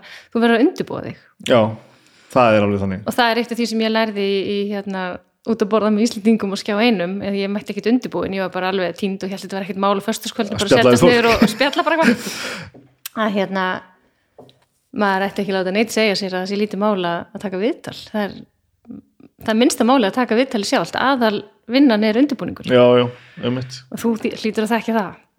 Já, og veist, það er vinna sko, en mér finnst þetta alltaf gaman þannig að skemmtileg vinna er ekki er náttúrulega ekki mjög íþingjandi En þessi miðill sem þú ert með er líka frábær. Hér er bara flæði, fólk er bara að tala og spjalla og það er rosalega notelt að hlusta á þetta. Já, en, en, en viðtöl svona eins og þau hafa verið hingað til hafa náttúrulega verið njörfi niður og þú hefur yfirlega ekkit, oft ekkit, þú veist, meira en kannski bara kortir til að, eða, eða kannski mestalegi hálftíma. sem er náttúrulega bara ástæðan fyrir því að ég er að gera þetta sem ég er að gera hér Já. veist, að ég rosa lítið þól orðið, mann fannst þetta alltaf lægi en Mhm. nú hef ég rosa lítið þól fyrir sko viðtölu sem eru tímyndur að kortir og eiga að skila einhverju manneskjunum sem hefur verið að tala ef þetta er eitthvað svona afmarka málefni, það er alltaf að mál sko Mhm. en þú veist kortir eða hálftími það sem ég ætla að fá að vita þess mikið um því og hægt er og bara svona vera Mhm. sp sprengjut alla spurningarnir í einu og, alla spurningarnir eru bara svo dó pabbi þegar það varst fimm ára veist, það, það, það er búið að svara spurningunni í svarinu til að spara tíma sko Ég veit það. En þetta er kunst, það er kunst að taka viðtal og, og ég læri það líka þegar ég var hérna uh, á fókusi í gamla daga að þetta voru svona opnu viðtöl eitthvað svona, svolítið, svolítið löng og svona fín viðtöl uh, að mér var satt ekki verið lengur en kortir að taka það. að taka við já, vertu svona kortir mestalegi 20 mínútur af því annars ertu bara komin út í eitthvað spjall og það verður svo erfitt að vinna úr því Já. og eitthvað þannig að þú færið aðalautriðin strax svo var ég myndi að hugsa mér var að rifja það upp hérna á henni kominga það var alltaf línan reyndu að ná honum til þess að tala um það er alltaf þrennt ef þú kemst, ef þú nærið svo öllu þrennu þá ertu golden, tveir af þessu frábært en að minnstakost eitt það verður að vera einhver trúmál peningar og kynlíf. Svo hugsaði ég að leiðin hinga bara ó, Jóhanna Snæbjörn sé ekki fara á þessa. Jóhanna hann, enginn hafi sagt honum þetta. En nú ertu búin að segja mér þetta en nú er ég búin að tæpa á þessu öllu þrennu. Já, segja orðin. Að segja orðið það nú en ég meina að þú veist, ef þú ert, ef þú ert aðeins til þess að til þess að fólk smelli á þig þá er þetta augljóslega rétt. Mm. en, en þú veist ma- það, það þáttu líka ákveða okkur þú ert að gera hlutina sko. já, já, ég veit nákvæmlega og, og ég er ekkert að gera það nei, þetta er önnur tegund þetta er önnur tegund af því sem maður er að gera miðill. og eins og þetta segja, þú veist, þetta, þetta langa spjall það sem þú veist bara einhvern veginn að fara í gegnum það einhvern veginn að kynnast mannesku það er ekki alveg að sama á að því að hitt náttúrulega í aðrar við slúður sko. já, ég er ekki að segja að þetta sé bein, þú veist, það það ég er ekki að segja að, að ef þú talar um trú þá sé það slúður sko. en, Nei, nei. en þá ertu strax komið með svona ó, þessi hugsa svona, ég ætla að smetla á þetta. En aðtöga þegar mér er kent þetta það er fyrir tíma þess að heita á eitthvað. já, já, veist, þetta er bara, verður viðtalið áhugavert eða ekki, þá verður að fara að tala um einhver alveg mál í því. Já. þannig að, ég hef miklu mér áhuga að vita sko af hverju fólk gerir hlutina frekar heldur um hvað það er að gera. Já, einmitt, að já, einmitt, já, mér finnst miklu meira gaman að vita af hverju þú fórst í, í, í blaðamennsku og sjónvarsbusinessin heldur nákvæmlega að hafa verið að gera það sko. Mhm, mm -hmm. það er líka eitt hvar maður er í sískinaröðinu sem stýrið því oft að hérna uh, það er mjög algengt að yngsta barni í sískinahópnum sé í einhverju svona entertainmenti Já, bara hvort sem það er leikari eða sjónvarsmannskja eða er það bara því söngvari að, eða að þú þurftur að, að láta á því bera svo einhver myndi taka eftir þér? Á jákvæðan hátt. Já, já, já, Það er málið. Já, já, já, að þú átt, átt sískinni nokkur og þú ert kannski yngstur og þessi sískinni þau hafa enga þólinmæði, fyrir óþólandi yngsta sískinni því bara ítt út í hotn og það fær ekki vera með. Bara bless. Drullast er að skemmtilega Já, þannig að ef þú ert sjármennandi, lítið krút og, og entertainar þá máttu vera með, þá nenna þau þér. Áhugaverst. En, en þetta er til dæmis ekki glíma sem að elsta sískinni þar neitt að búa við. Elsta sískinni eða innbyndið eða eitthvað það má vera eins frekt, leiðilegt og fúlt og að vill. Og það á samt alltaf mömmu og pappa að þetta er eina barnið, þú, þú fær alltaf að vera með. Ég var elstur í, og einn í sex ár. Ég er klálega eftir að sískinni Já. en nú er ég alltaf alls ekki að halda því fram að þetta sé eitthvað algjör Þú ert ekkert að bakka með þetta, held Nei, ég, bakka, ég, en ég held að þetta sé ef, þú, ef maður myndi skoða sko, uh, fólk í, í, í, í þessum bransa eða þessum brönsum í rauninni, svona framkomu brönsum þá er held ég yngsta sískinni voða oft það sem að hérna, uh, hefur sem mest í frammi eða svona, er í þessu að skemmta öðrum og, Fyndið. já, ég veist að held þetta eigi alveg við Já. Skemmtilegt. Mhm. Svo horfi ég á minn sískina hópi, það er að segja börnin mín, litla hópin minn hérna. þetta, þetta passar bara. Já, alveg. Þannig að hérna. Alltaf þegar maður heldur að maður geti brotist út úr norminu þá fað maður, við erum öll í sama farinu allstar, þetta passar alltaf. Og ég svo sem ólst ekki upp í stórum hópi en ég var með þennan eldri bróður sem að hérna, ræktaði bara upp í mér þetta. Já, svolítið ég fyrir bara út í lífið út í skólagönguna og allt þetta vitandi bara, veist, ef ég er úkslega hræs og skemmtileg og hérna fyndin og frábær og nenni þessu og koma fram þá bara þá, þá er ég bara með fylgi með mér. Já, já. Þannig að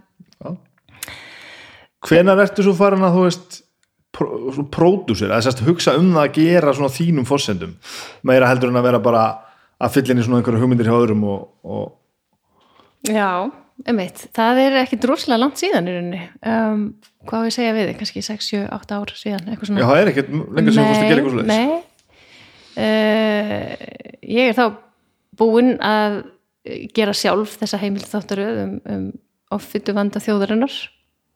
Já, Og- ég er þá kannski að meina er það fyrsta sem þú gerir svona sem er, já, sem er svona þín hugmynd og þú ert að Já. láta gerast. -hmm. og hvenær er það? Það kom úr 2012, ég var að vinna þetta þarna þangað til. Já, þetta er ekki lengur síðan. Nei, uh, 2011-12 og uh, kallaði þetta stóru þjóðina. Mm -hmm. uh, í kjölfarið fæði svo uh, bóðum að vera kynir í Biggest Loser.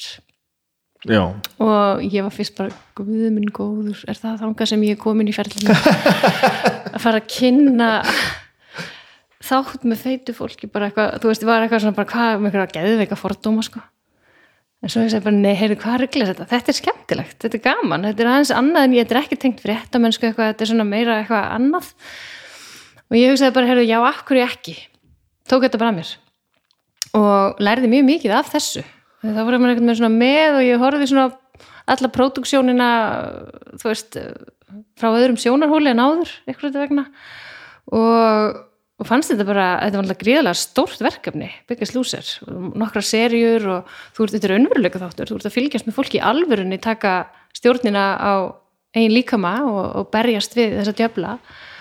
Og mér fannst þetta mjög áhugavert allt. Þannig að þá bara kviknaði svona mikið mikil áhugi á því einmitt hvernig hlutinir eru gerðir, af hverju er þetta gert svona? Af hverju er þetta gert hins einn sem að hafður ekki verið að velta fyrir kannski mikið á það ekki svo mikið, ég var svo fréttatengt ég var svo mikið þar. Ég var minna í ykkur þáttagerð. Ég var alltaf bara í ykkur sem var fréttatengt. Þannig að svona, þá fyrir ég að hugsa svona hm, kannski ættum að fara að gera bara meira þessu sjálfur, prófa. Veist, það var ekkit, ekkit of mörg fyrirtæki í þessu, en þetta er bransin lítill. Og þá hef ég samband við uh, Hlín Sigursson uh, sem að er gammal svona kollegi þó við höfum aldrei neitt unni neitt sérstaklega mikið saman við Hlínur við svona, höfum, leiður okkar hafa leið eitthvað pínlítið saman þegar hann var á MBL sjónvarpinu á sínum tíma. Þegar það var að verða til hann svona, svona, svona byggði það upp. Þá var ég, í, ég var í fréttalesari á skjá einum í mjög stuttri tilraun þeirra í að vera með fréttir í samfunni við MBL Alveg það gekk ekki upp að þeir læstu skjá einum svo bara um leið og þetta fór í loftið og þá það fjall þetta um sjálfsig sko. en, en þarna vann ég aðeins með hlinu og ha- hafði þekkt hann í mörg ára áður og konan hans æfði með mér handbolta hérna í gamla daga og er garbaengur og, og hérna og ég segi, og við vorum svo oft búin að hittast einhvern veginn í partíum og svona fylgta sami í löfinum og svona. Við þurfum að fara að gera eitthvað saman, við þurfum að fara að gera eitthvað. Þú veist, stundum er þetta bara þannig. Og allt í einu hugsaði bara, nei, nú gerum við þetta. Og við hittumst hérna í brúðköpi á samveilu vinum okkar. Og ég segi, Linur, nú erum við að fara að gera þetta. Og ákveðum að stopna fyrirtæki sem væri í framleiðslu á sjómanstáttum og við vorum ekki að hugsa um leikiefni heldur svona, svona þætti, alls konar. Viðtalsþætti og bara alls konar eitthvað sem okkur ditt í hug. Gerum það stopnum skot Productions og uh, fórum á stað og það bara var rosalega gaman. Sátum bara tvö eina á lítil skrifstofunir í Östustræti og fljótlega uh, fundum við Allafannar Bjarkarsson sem var með nútíman -hmm. og ákvaðum að það væri nú gaman að taka höndum saman með honum og, og, og gera sjónvarp, netsjónvarp. Og fórum að framleiða þess að sjónvarpsluta nútímans. Nútíman, keftum mér þessi bara hlut í nútímanum. Og þá var nú austustræti skrifstofan strax var nú lítil þannig að við fórum að finna okkur stærra húsnæði og svo bara gekk þetta svona uh, áfram og við fórum að líka átt okkur á því að við myndum aldrei geta reikin eitt fyrirtæki með einum árangri með þessa einu stóð það er að segja sjónvarstáttaframlislu þannig að við fórum að settum út treyfarna og, og, og þá komaði til okkar Samúl Bjarki Pétursson og Gunnar Páll Ólusson Sami og Gunni, auðlýsingarleiksturar sem þú kannast nú við. Og, og við ákveðum að, að saminast og, og þannig verður skot til í rauninni í þeirri mynd sem það er búið að vera eiginlega allan tíman við erum fimm ára núna. Þannig já, vá. Þannig að auglýsingaparturinn kemur í rauninni frá þeim en ekki frá ykkur. Þi. Þið eru því þeir komu með hann inn og uh, hann að stóðirnar nútímin er ekki lengur á okkar vegum. Um, en já, skot er með þessar tvær stóðir það eru ölsingarnar, sjónvarsölsingarnar og svo sjónvarstáttagerðin þannig að þetta tvent er það sem að skot er bara í dag. Og virkar þetta bara? Já, þetta virkar. Já. veist, uh, hérna við erum náttúrulega búin að gera okkar mistök og læra þeim og uh, en þetta náttúrulega fer rosalega eftir bara ástandinu í samfélaginu. Veist, sérstaklega ölsingarnar Já, já, árið í fyrra var alveg glatað. Ha, þú veist. Ha, og kom bara janúar og veist, það voru lausir kjarasamningar og loðunan fannst ekki og æ, þú veist, bara, bara svart ár framöndan en það var ekkert að gera. Fyrirtæki voru ekkert að fara að hendi í einhverja það Þetta lítur að vera rosa mikið upp og niður? Jú, og þess vegna er svo mikilvægt að vera líka með hitt. Þú getur eiginlega ekki verið með fyrirtæki Já, bara einu. Uh, en ég uh, fyllir það nú að við erum sennilega, já við erum nú stærst á Íslandi í þessari sjónvars auglýsingagerð í dag.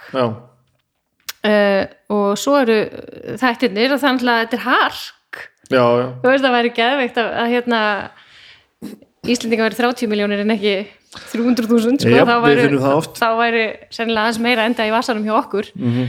en, en hérna við erum með þrjá kuna í það er bara þess að sjónvarstöðar þrjár og, og, og við framleiðum uh, sjónvarstætti fyrir þessar stöðar eins og kapsmál eins og með loga. Uh, nú, nýjasta á stöð 2 er hérna Davíð Kokkur, svona matursluþættir sem er að nýta mat og, og, og erum við steinda og ég meina, ég geti talið svona lengi, þetta eru bara alls konar þættir. Hvernig, hvernig verður, verður þetta til? Fær ykkur annar hugmyndina og kemur til ykkar og byður ykkur um að framlega þetta? það er allur gangur á því. Stundum er það þannig. Þú kemur bara Snæbjörn Ragnarsson, herri, ég er með geðveika hugmyndingalind mm -hmm. ykkur og pizzar ykkur æðislega hugmynd og við bara, herri, þetta er frábært, þetta er gott. Hérna, tökum þetta lengra. Og svo endar þetta kannski þannig að við pizzum á okkur sjómastöðuna uh, kynnum hugmyndina hugsaum bara, þetta er alveg ekta fyrir síman þetta er ekta fyrir stöð 2 eða eitthvað. Og annarkvort hendar það þeim það eða ekki þú veist. Já, þannig að það er rosalega margar hugmyndir sem að verða aldrei að veruleika. Sumar verða að veruleika löngu setna en aðrar bara eru bara strax beint í mark. En þetta er ekki þannig að sjómarstöðunum sé að byðja ykkur um að framlega Jú, eitthvað það kemur fyrir líka. Það kemur fyrir líka. Það er alveg í báðar áttir og stundum náttúrulega mjög oft reyndar fáum við hugmyndirnar alveg sjálf.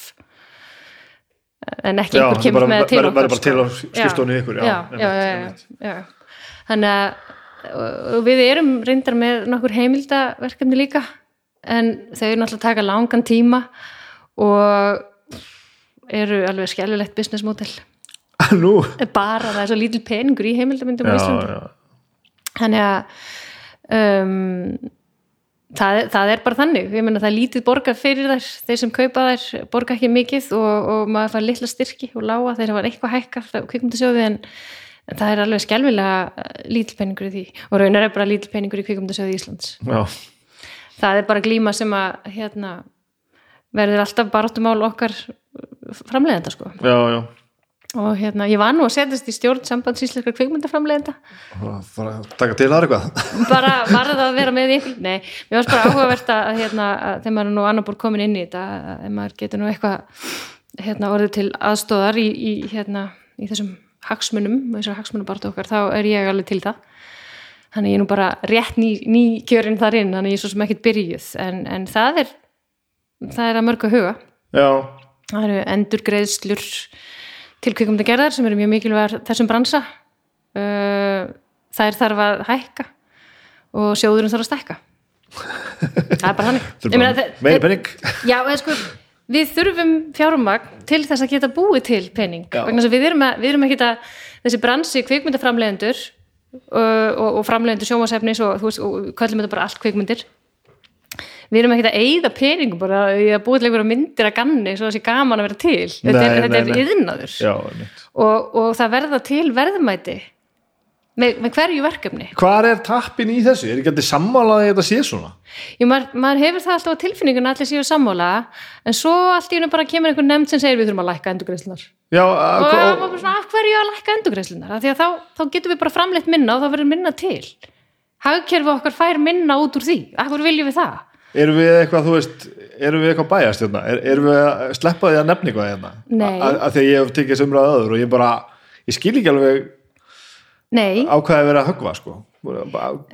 Sko ég held að sé vegna þess að það er að skortir einhverja heildar sín hjá þeim sem að uh, halda utan um byttuna þannig að sko þetta er bara svona skamtíma lausnir einhverjar. Já, ég meina já, það er það í rauninu vegna þess að endur greiðsla það í því felst að það er verið að greiða félagi, fyrirtæki tilbaka hluta af þeim kostnaði sem að það sem lagði til og, og greiddi út í samfélagið. Þannig að þú veist, bara eitt, eitt kvikmyndaverkefni það þarf að, það þarf að það eru bílalegu bílar, það eru hótel, það er ferðarkostnaður einmitt þú veist það er allt þetta og öll þessi störf störf uh, ég veit ekki, tökumanna, hljóðmanna eftirvinnsla, þú veist, allt þetta. Það er rosalega margir sem fá vinnu fá greitt laun borga skatta aftur til samfélagsins og, og, og, sem, sem er bara meiri háttar fyrir hagkerfi okkar. Já, Þannig, en til þess að, þe- að þetta sé hægt í litla samfélaginu okkar þá verðum við að vera með einhver endurgreiðslur. En endurgreiðslan er aldrei nema bara brot af því sem varð til. Nei, nei, við þetta. einmitt. ef ef við segjum bara að það væri bara engar endurgreiðslur þá eru þessi verkefni heldur ekki gerð. Og þá verður ekki til. Allir fólk haldið að mun- þetta gerist bara samt þó að það sé já, og ég veit ekki sko það, það, er, það er ekki eins og að tala um endurgreiðslun sem styrk þetta er bara, bara að vera að borga þess tilbaka. einmitt, einmitt, einmitt, einmitt. þannig að þetta er bara máli það, það mér, ég, ég vil meina að þetta hækka sko, svo við getum verið samkeppnisfæri við útlönd, við erum það að mörgu leiti það eru mörgum sem finnst eftirsóknarvert að koma til Íslands út af endurgræslunum, það hefur verið þannig en það með ekki standi í stað, það er aðra þjóðir farnar að já, gera já, betur. ok, ok, ok. og, og, og maður alls ekki lækka þar Nei. Agnes að úr verður alveg svar áhugin á Íslandi, allir túrismin hérna, það er miklu leiti ótrúlega stórum hluta vegna þess að fólk sá Íslandi í bíómynd já, alveg Þú veist, það er ekki bara að fréttist hvað er gaman á Íslandi sko. Það er, þetta skiptir alveg svakalega miklu máli. Og, og hérna, þetta gerir það líka fyrir efni eins og skotframleiðir. Við erum ekki í þessu leikna efni, ekki ennþá kannski gerum við eitthvað tíman aha. en, en hérna, við erum að framlega viðtalsþætti, skemmti þætti, heimildaefni þú veist uh, þessir þættir hafa líka verið að fá endurgreislu já, og svo hafa komið upp hugmyndir um að hætta því af því það var ekki uppalegu tilgangu lagana að láta, láta hérna, svona þætti fá endurgræsli, þetta var alltaf að laða að erlenda kvikmyndagjara menn já, en þá fórum við og, þáttur eins og kapsmál ætti samkvæmt þessum hugmyndum ekki að fá endurgræslu en þá er það ekkert öðruvísi, þá er kapsmál ekkert framleitt. Nei.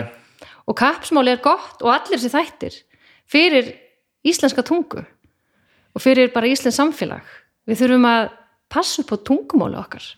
Og ef við ætlum ekki að styðja við framleiðslu á þáttum á íslensku þá bara þá heyra börnin okkar bara ensku. Já, við þurfum líka, líka, líka bara að passa okkur að gera eitthvað. Aha.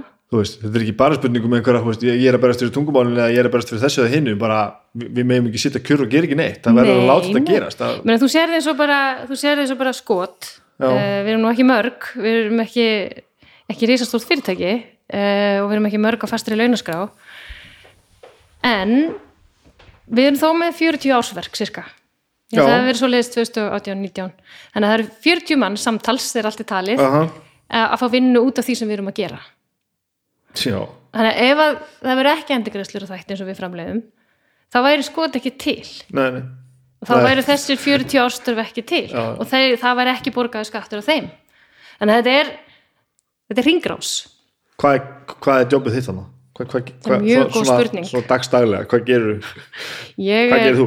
ég er bara svona fýtt stjórnarformaður sem sitt svona með hotskristofu og alltaf með lappinur upp í loft og drekk hvítvín. Nei, nei, alveg ekki.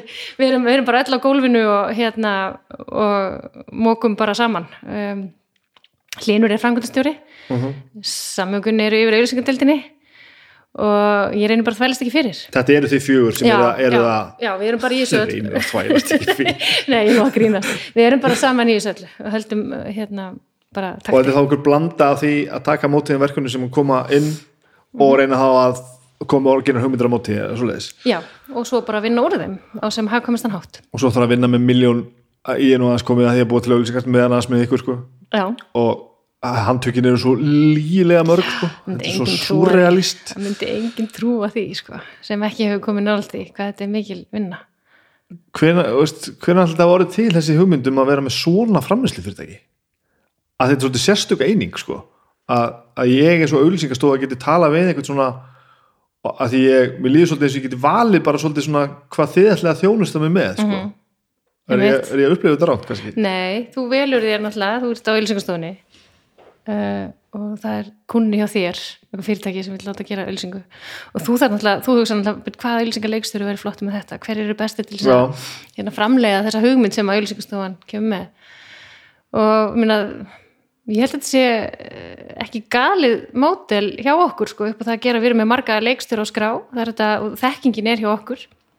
Sami og Gunni hafa náttúrulega gríðarlega reynslu. Við erum í þessu meirinn 20 ár. Já, og örgulega já, þeir eru búin að vera þessu bara alltaf. Þeir eru örugglega að vera 25 ára eitthvað. En hérna uh, þannig að já, ég meina hver annar á að gera þetta? Þetta er nefnilega svolítið þannig sko. stundu fær maður þetta bara, Já. bara einmitt nákvæmlega það, bara hver annar á að gera þetta. Að því að það er þetta er kunst og, og, og það er svo margt sem það að gera, það þarf að ná í tækin og tólin og fólkið og casting og að gera. Það eru búningar, það eru leikmyndir. Þetta er ótrúlega mikið fyrir örfá sekundur sko Já, fárálega, og svo, svo lærir maður mjög hratt þegar maður er til dæmis að vinna auðlýsingastofu að það sem er dýrast í öllu er og verður alltaf tíminn sko. Já, að um leið og, já við rættum þessu bara sjálf. Svo bara, hvernig gerir maður þetta? Og svo er það að fara að taka tíu svona lengri tíma heldur en að, og þá þetta fara að borga yfirvinnu. Þá er það allt komið í stek sko. þannig að það lærir það mjög fljótlega allir Já. þeir sem er í einhvern Ég er búin að læra rosalega mikið á þessum árum uh, þessum fimm skot árum mínum Já. sem eru komin. Og margt sem ég bara hafði ekki hugmyndum Nei. ég er oft bara eins og intern mér finnst það, það er svo gaman að þegar maður vinnur með fólki sem maður kann svo mikið. Ég elska að horfa á fólk gera eitthvað sem það er gott í. En okkur reðstu bara í að búa til þetta eigið? Þú veist uh, og fegst allt í um skyndilega einhvern áhuga á einhverju, einhverju framleiðslu. Okkur þú veist, okkur fórst ekki bara að vinna á einhverju framleiðslu fyrir þetta því að ég, hérna, ég held ég geti gert þetta betur.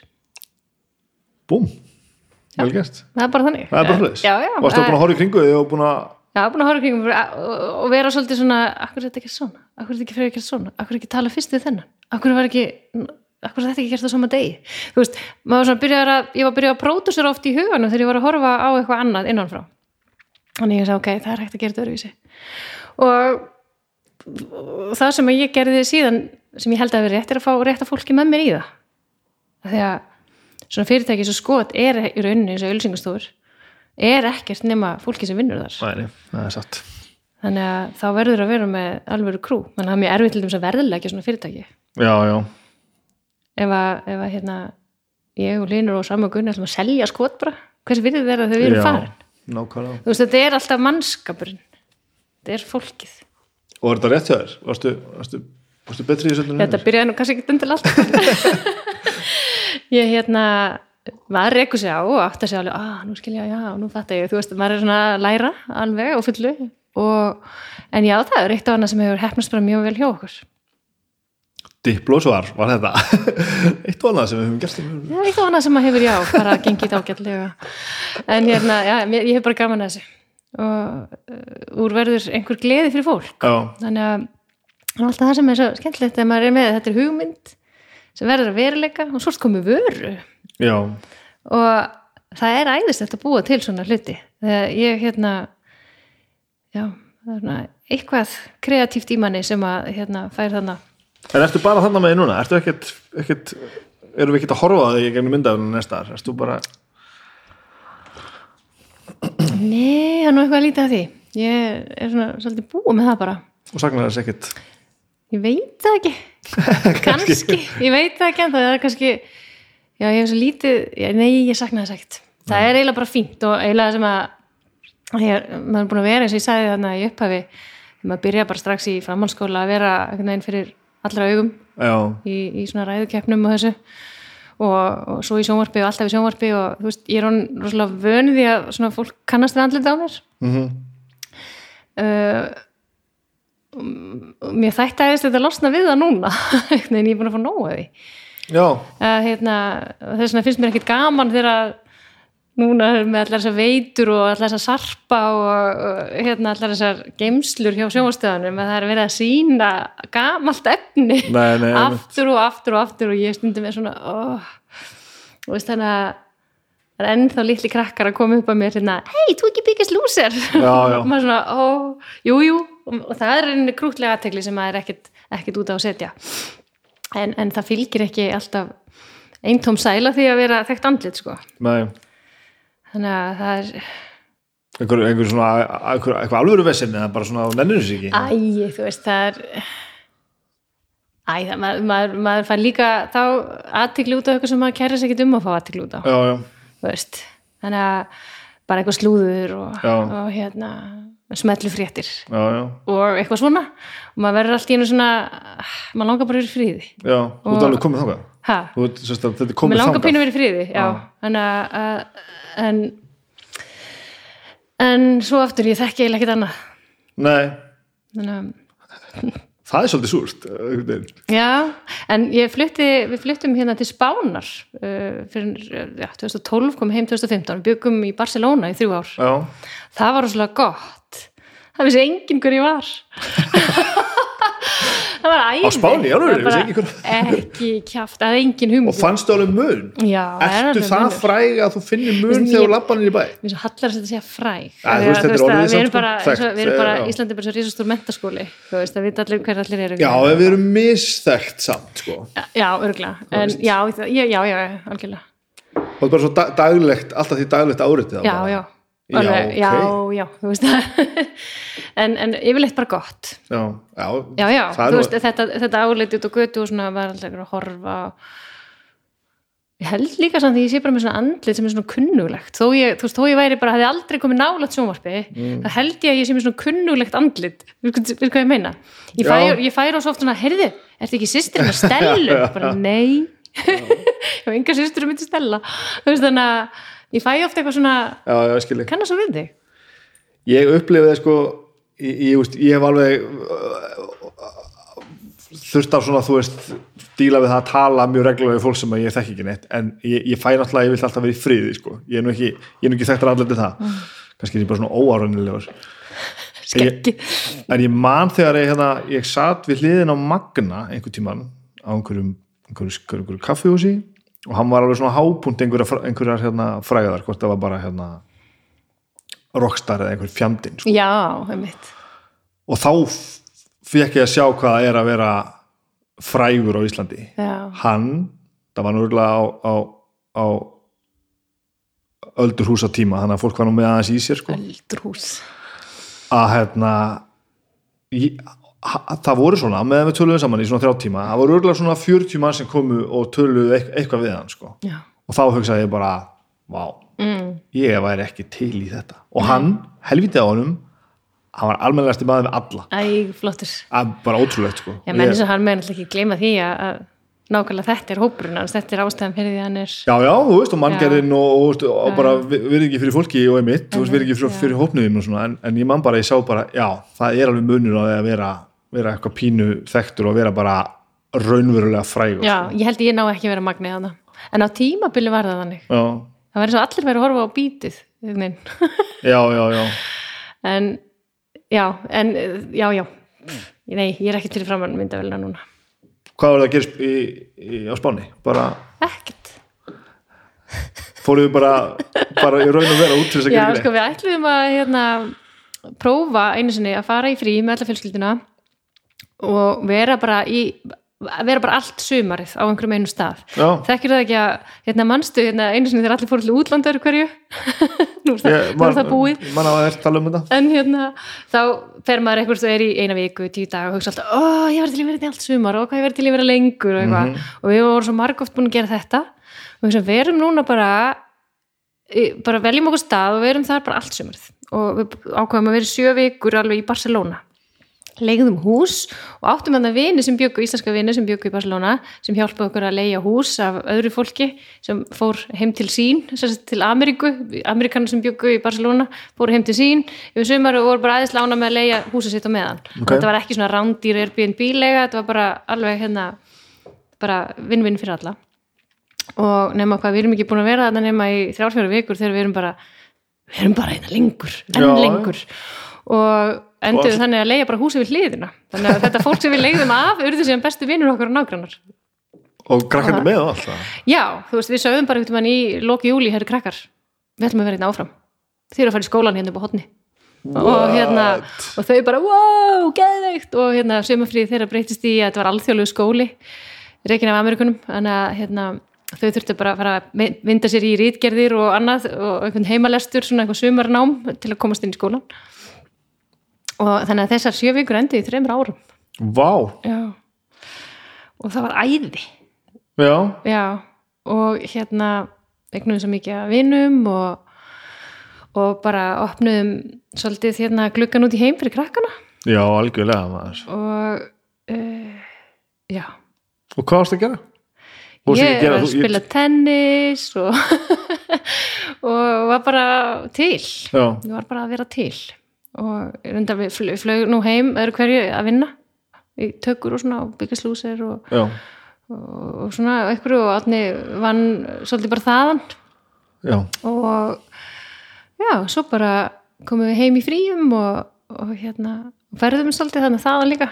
Auðvelt að fara til Marokko frá Spáni, mjög auðvelt. Já, já, já, og alls konar skíðasvæði og, og bara, þú veist, þeir eru komin niður eftir, niður í Európu þá er svo auðvelt að fara allt. Keira til Fraklands í skíði eða eitthvað, ekki þannig að við vorum bara að njóta lífsins.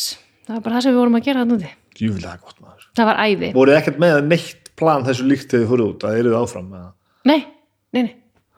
Þetta er ákvörðun að taka það maður Það bara, bara. Búum bara eða Já, við átni, höfum eiginlega tekið allar okkar ákveðnar í lífinu saman svona. Ok, það er allt svona, hei, ég veit, ef að gifta okkur? Já, gerum það, hvernig ertu á þriðdægin þú veist, þetta er, Já, já. þetta er þið er bara saman í 100 ár. 20, Vá, við erum búin gift í 20 ár uh, saman í 21 gift í 20 saman í 21 Mhm. Já, þetta er svona, já.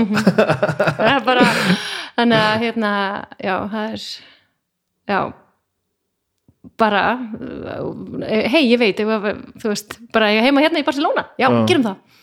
Og svo bönnin hafa komið líka svona bara bang, bang, bang einhvern veginn og þetta er ákvæðan frekar svona Akkur farið þið svo heim? Það er sama, hei, ég var að fara heim. Já, ok, gerum það. Nei, þá vorum við nú komin með nóg Já, ok, eiginlega, sko, seinast árið tvö ár hefði nú kannski verið nóg þannig séð, sko, en við ákvæðum að vera þriði ári fyrir uh, elstu dóttur okkar sem var með okkur úti uh, sem að var þá í alþjóðlegu námi og það eru tvö ár svona IB eh, nám, svona svolítið eins og stúdent. Og það eru, þú, þú klárar ekkit bara fyrsta árið og hættir svo, Nei, hún nei, var þeirlega að fá að klára þetta. Mhm. þannig að- við svona fórnum okkur það þrökk það. Já, og henni krakkarnir veitum ég ánæði með það að þau búin svo mikið að vinum og svo margt skemmtilegt að gera í Barcelona. Já, og hvernig var svo að koma heim? Það var æði að koma heim, það var svo gaman. Og hérna, veginn, ég bara faðmaði heiminn þegar ég kom heim. Það var, Að þú varst þess bara búin að fá nóg bara já, svo er ekki samt, það er ekki sem að sé í Ástralíu eitthvað, þetta er, ekki langt frá, nei, nei, nei, veist, það. En, en hérna bara, það var eitthvað svo gott að koma heim og vera innan um alla og komin á gamla staðin sem ég var svo þakklót bara fyrir umhverfi mitt. Og þá stofnaði ég skott. Það er þá sem þetta gerist, þegar þú kemur heim Já. já, já, já. Og búin að vera það að byggja slúsir á meðan þú varst úti já, já. Já, ég skilni Það, það er bara svona stutt tökutímbil og svo ferði bara aðri sjóum að auðvitað klippa já, hljóðvina og gera það allt sko. Varst ekkert brjáluð á Íslandingum þegar þú komst heim Var ekkert, var ekkert þessir allt, allt miklu betra í útlöndum fílingur þegar þú komst heim Nei, nei, nei, nei, alls ekki, Ok. alls ekki, alls ekki. Sko. Ég, ein, ég hendi mér á fullu með hlýni í skot og það varði eins og, eins og yngsta barnið mitt. já, já, já, og sem ég egnaði stofnum í hlýni og hérna maður er bara með það á öxlinni og þú, þú veist, þú vinnur allan sólarhingin þegar þú stofnar þetta í fyrirtæki. Það er bara alltaf. Það er allt undir og átni minn helsti stuðningsmæður í því. Já. þú veist, að hafa þólimæði og hann faðmaði svolítið bara fjölskyldilífið á meðan. Og það er svo gaman að í rauninni líka svona litlu fyrirtæki við batna því að eins og núna er það fimm ára. Mm, veist, það er að byrja í skóla. Þú veist, það er farið að lappa sjálft og þú veist, og getur skengt sig sjálft og allt þetta. Þannig að það er, það er farið að hérna, plumma sig ágætlega. Þannig að maður þarf ekki lengur að vera með á brjósti. Nei, og, og, og þetta er gaman þið finnst þetta gaman að gera þetta? Já, Já. það er alveg rosalega gaman. Æ, maður sé svo marga sem einhvern veginn stofningu fyrirtæki og missa svo áhugan eftir einmitt þennan tíma sko, og bara svona, að, þú veist, einhvern veginn ég er bara með svo skemmtilegu fólki. Já, þetta er eins og sagðir á já, þessi drengir sem ég er með þarna eru bara stórkostleir allir saman. Og þau allan eru fleiri sem vinna svo sem með mér en bara drengir en, en vissulega er þetta svolítið kallega bransi það er, er ekki hægt að neyta því. Tölum nú aðeins um um það.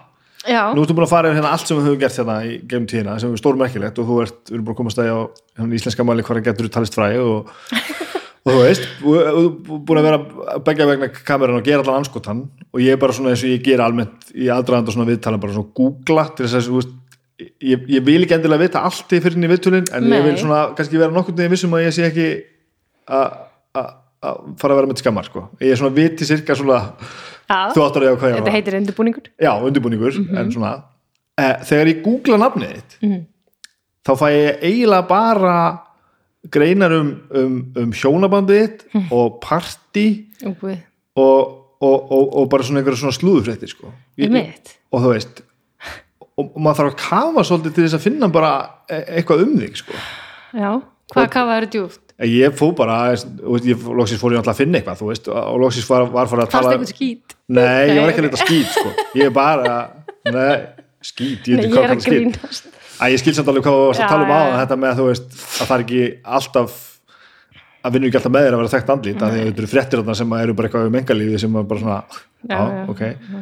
En það var aðalega þetta bara svo þetta komið niður á sko fimmtublaðs á Google það sem við fara að tala um bara, já, framleiðand og fjárfestir, ok, bara, ok hérna er eitthvað bara sem er einhverju hefur skrifað um eitthvað sem skiptir máli, en ekki bara að þú varst í einhverju fucking partíi með fucking manninuðinum, skilur við já, einmitt, það er alltaf eitthvað svona það er þessi smellu þessi, þessi smellu tíska að reyna, já, það, það sem að það lendir einhvern veginn ofan á því það er bara smelt oftar á það Já, en er þetta ekki líka að kynja eitthvað þeng? Já, alveg, það? ég Já. er þetta út ekki fyrsta manneska sem ég googla svona sem ég er að tala við og ég Einmitt. bara, þetta er rosa mikið svona sko mm. þetta er ekki slegið mér svona harkalega held ég áður fyrir en að ég fór að googla þig þú googlast vest af öllum, ok ég googlast mest finnur Já. þú fyrir þessu það? já, allir ég geri það ekki en þetta er líka, já kannski, þú vilt meina þessi kynja tengt Já, mér finnst það ég til dæmis sé ekki svona oft, ok, kannski er ekki allir svona eh, svona áberandi maka eins og þú en þú ert rosa mikið spyrt sama við manniðin mm -hmm. fattaru? Já Já, þetta er áhugavert. Ég hérna hann myndi reynda að segja ég er alltaf spyrstur við Ingulind hann, hann er Já, svo það er örugglega- ég var ekki að googla hann sko. Nei, nei, að- já, já. en hérna uh, já, ég ætli ég hafi kannski ekki fyrst fyndi fyrir þessu svona á neikvæðan hátt þegar ég er í sjónvarpinu og maður er þarna eins og ég var að lýsa fyrir þér maður er undirbúið sig undir nokkur viðtöl uh, allan daginn og svo um kvöldin líka reyna að standa sig, alltaf ekkert með henni í minnlegu prófi í beinni útsendingu að reyna að standa sig og eitthvað og svo er bara gamla sagan þú veist, hérna kemur bara eitthvað einna fötin sem ég var í akkúrat. hvað er hún að pæla með hári á sér eða, eða þú veist, það er hérna, að kjósa bara eitthvað sætasta sjónvarskonan eða eitthvað svona, þú veist, þá er maður alltaf komin í þetta, maður er svona allan daginn að reyna Já, ég, og ég, kollinum far, ég veginn alveg umræða sem voru miklu ræknar en þetta sko og ég, þess að leita þig sko. Já, það Já, já, Ó, já, já, ég reyna að skoða þetta ekki. En hérna, já, já, þannig að þú veist kannski er ykkur með þá mynda mér að ég sé bara svona eitthvað pía og garabæ sem að fættist með silskeinu minninu og eitthvað, þú veist, eitthvað, í sjómarspinu eitthvað, þú veist, þetta er, en það er náttúrulega þetta hvernig aðeins meira í mannspunni en það Nei, ég er búin að gera margt, margt annað sko. mjög augljóslega, ég held að allir viti að veist, hvort sem þið hlusta á þetta viðtala ekki, að það er þannig en djúvel sem þetta getur alltaf flottið og ná allt þetta ágeð, sko. já, það gerir það, það er leiðilegt og ekkert bara, ég er ekkert endilega bara að tala um ógeð, þess að það dæmi sér sjálf sko. er líka bara þetta, þú veist akkur er, ekki að tala um það sem hún er að gera Mhm. þú veist, svo bara einhver mynd að hefur bara einhver partí einhver staðar, þú veist, að því að það var einhver partí einhver auðlýsingastofu, allir bara, Já. "Æ, hún er svo frábær eitthvað það. Já, já, þetta er bara eins og það er en svo hérna já, já, svo já, já, ég veit ekki alveg hvað ég var að segja. En það er, það er hérna já, já, það er náttúrulega, kannski er þetta er þetta kynnatengt, það getur vel verið. Hérna, Já, þú ert ekki til í að bara Jú, jú, ég, ég hef bara ekki satt að segja, ég hef ekki hugsað þetta svona, það er margt svo kynjatengt bara í verildinu að þetta hlýtur eiginlega að vera það. Ég, með, með þetta prójekt sem ég hérna, Já. þessi viðtöl, ég finn þetta rosalega já, stert, sko. já, bæði einmitt er að kynna með fólki og, og, og bara, það er einhvern veginn þannig að fyrir hverja eina konu sem kemur upp þá koma aðri, koma tíu kallmenn sko. Mhm. -hmm.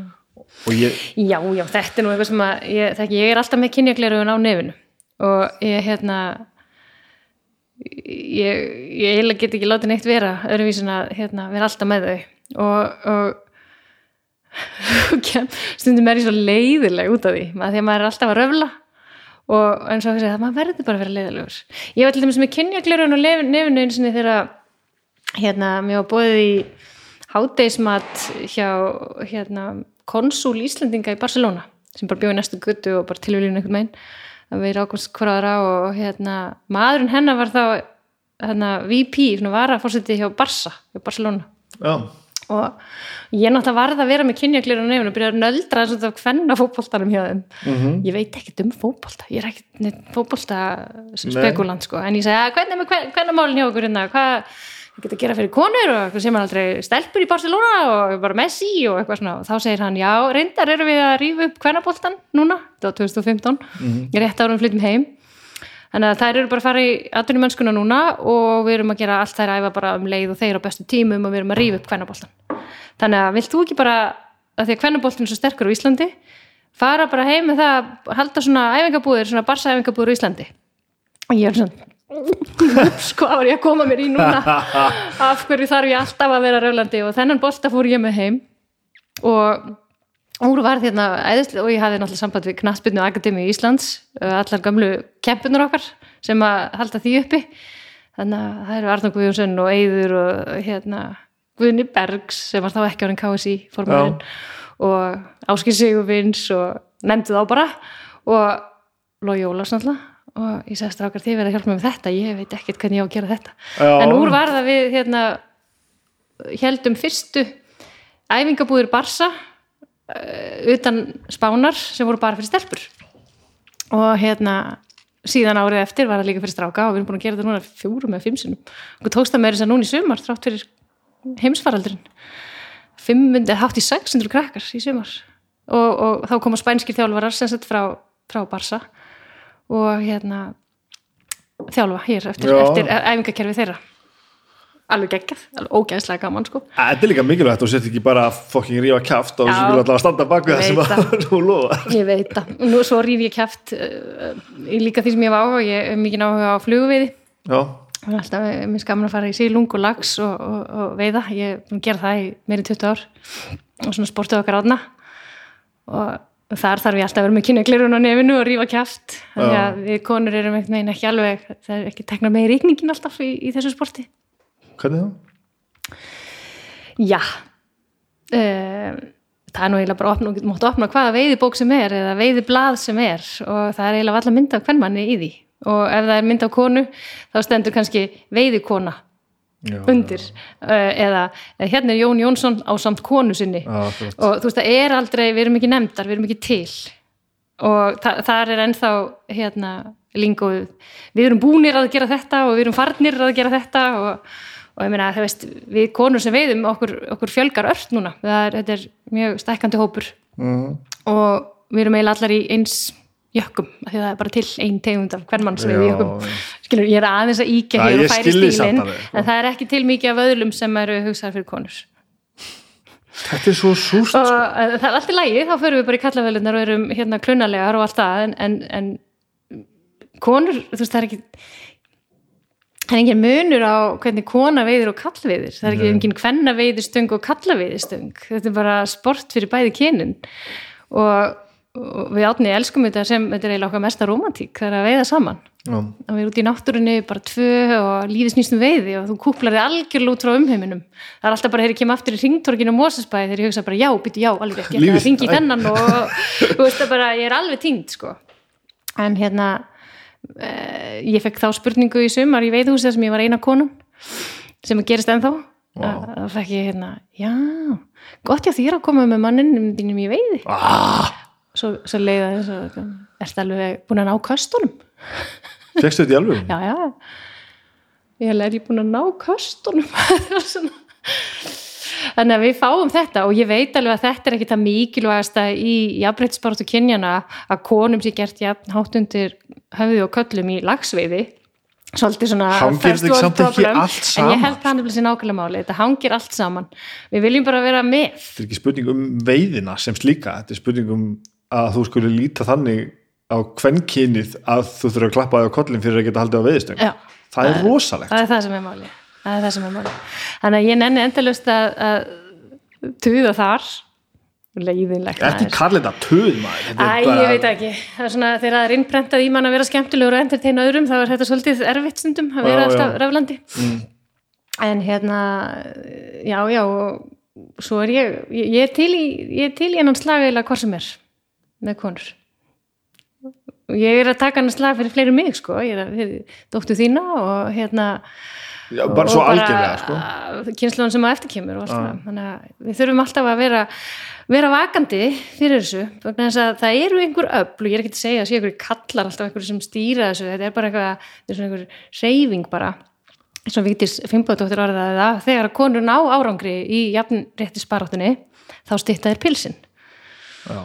það er það sem gerist, Já. þá erum við bara orðnar kynverur aftur og það er hérna það sem að skemmur svo mikið fyrir. Konur þurfa að fara að sjá. Við áttum við þess að umræði hérna við erum með hlaðafslátt sem heitir besta platan. Mm. tölum um hérna tónlist bestu plötu hljómsveitar eða eitthvað. Og það er náttúrulega að kynja að er, þú veist, ég vel bestu plötuna sem mér finnst með, þú veist, úr þessum vínilplötum hérna. Mhm. og víniskapurinn minn er náttúrulega sko 96% kallmenn sko, Já. það er bara þannig, þú veist, ég hlusta punk og þungarokk og, og þú veist að, og það er náttúrulega 50-50 mér að kenna og, og, og bransanum að kenna, skulum við segja. En við vorum að tala um hól um daginn, já, og hvað manni fannst hún óþólandi sko, á sínum tíma. Svo fattar maður núna sko, hún náttúrulega var bara búin að fatta þetta áður en við gerðum það sko. og það er ástæðan fyrir því að hún gerði það sem hún gerði og náttúrulega allir sem voru með hennar P.T. Harvey og nei, hérna hérna, hún hérna. Öll, bara allar þessar konur. Já, að allt í hennu bara komið fullt að stelpum með rámaskítar að þegar sáu þessar konur gera þetta. Já, einmitt. Að sem hún segja að þú veist að sýst að gera þetta fyrir þú veist kynnslóðuna sem er að koma. Já, að bara, nú er þetta ekkert lengur skrítið sko. Nei, nú er ekki, en nú held ég við séum að fara að sauma fyrir hérna þetta ógeðslega hugta kvennarhljómsveit, þú veist, að það er bara svo það hljóma bara eins og barnarhljómsveit sko. Mhm. það er jafn gáfulegt sko. mm að það er ekki munur á konum og, og kollum í, í hljómsveit. En ég man bara eftir þessu, bara fyrir 10 árum 15 árum, þá var bara stelpur með ramaskýttar og spila trommur. Það var bara stór undarlegt já, og hvernig á þér sem veist, stelpu sem ert að kynna þér tónlist að finnast það eitthvað annað heldur en skrítið líka? Einmitt. Þá ertu bara eitthvað fríka Já. þú tekur já. nú er þetta bara allt í nú leðilegt sko. Það Það eru verður- þessi sem breyta heiminum, það er alltaf einstaklingar sem breyta heiminum. Það er alltaf einhver sem stígur út úr norminu og gerir einhvað sem veldur einhverju. Það, það, það, og hérna, það er þess vegna sem ég ætla bara alltaf að vera með kynjaglirugun á nefnu. Já, ég held að við verðum bara að gera það Já. hvað er þetta með hérna, nú erum við að tala um liftingar Já, og tennis Já. og, og veiði já, þetta er ekkert að þessu eðlilegt áhugamál nú er það ekki. eða, þú veist, Hvað er aðeinlega? ég veit ekki en þú veist, þú, þetta er allt svona aðeins einhvern veginn út fyrir svona, þú ert ekki bara í crossfit og, og hérna, eins og allir þú. Ég er pínulítið, kannski blundar í mér svona örlítil mótþróa þrjóskur öskun og það er örglega eitthvað sem bróðið minn hefur brentað inn í mig. Ég ætla alltaf að kenna honum um allt. Uh, nei, ég einhvern veginn, ég ger ekki, þegar allir fór í golf þá fór ég ekki í golf. Þegar allir fóru út að hlaupa þá fór ég ekki út að hlaupa. Þú veist, ég er svolítið þarna, þegar allir fóru í svona þá gerir það ekki. Ég veit ekki ekkur, ég þarf alltaf aðeins að hérna, ég veit ekki ekkur, að því að í rauninu elska ég að fylgja strömmnum sko. En ég bara verð alltaf aðeins að gera öðruvísi. Kannski er það þess vegna, ég veit það ekki. Elskar að fylgja strömmnum en vilt samt gera eitthvað öðru sí Já, það er mjög skrítið. En, en hérna, ég veit það ekki, nei, ég kannski elska ekki að fylgja strömmnum, ég veit það ekki. Er það, kemur þetta inn á fleira þú veist? Já, örgulega Nú er ég að hugsa það er erfitt. Nei, ég hérna, já, já, ég að svona ég rekst mjög vel í hópi skulum segja, Já. Veist, ég á rosalega mikið af vinum og mér finnst æði að vera í hópi og ég þarf ekkert endilega að vera leiðtógin í hópnum. Mér finnst bara gaman að vera í hópnum. Ég get alveg verið leiðtógin, það er alveg fínt. Já, en mér finnst líka rosalega gott stundum að vera bara ein.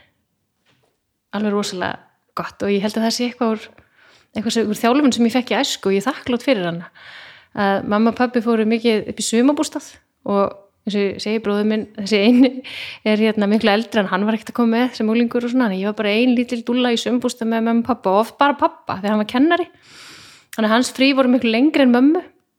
Þannig að við pappi vorum alltaf bara eitthvað að tvö og svo kom mamma svona bara ein eitthvað meginn að lesa bækur ég er alltaf með þrjárfjóra bækur á bókasafninu.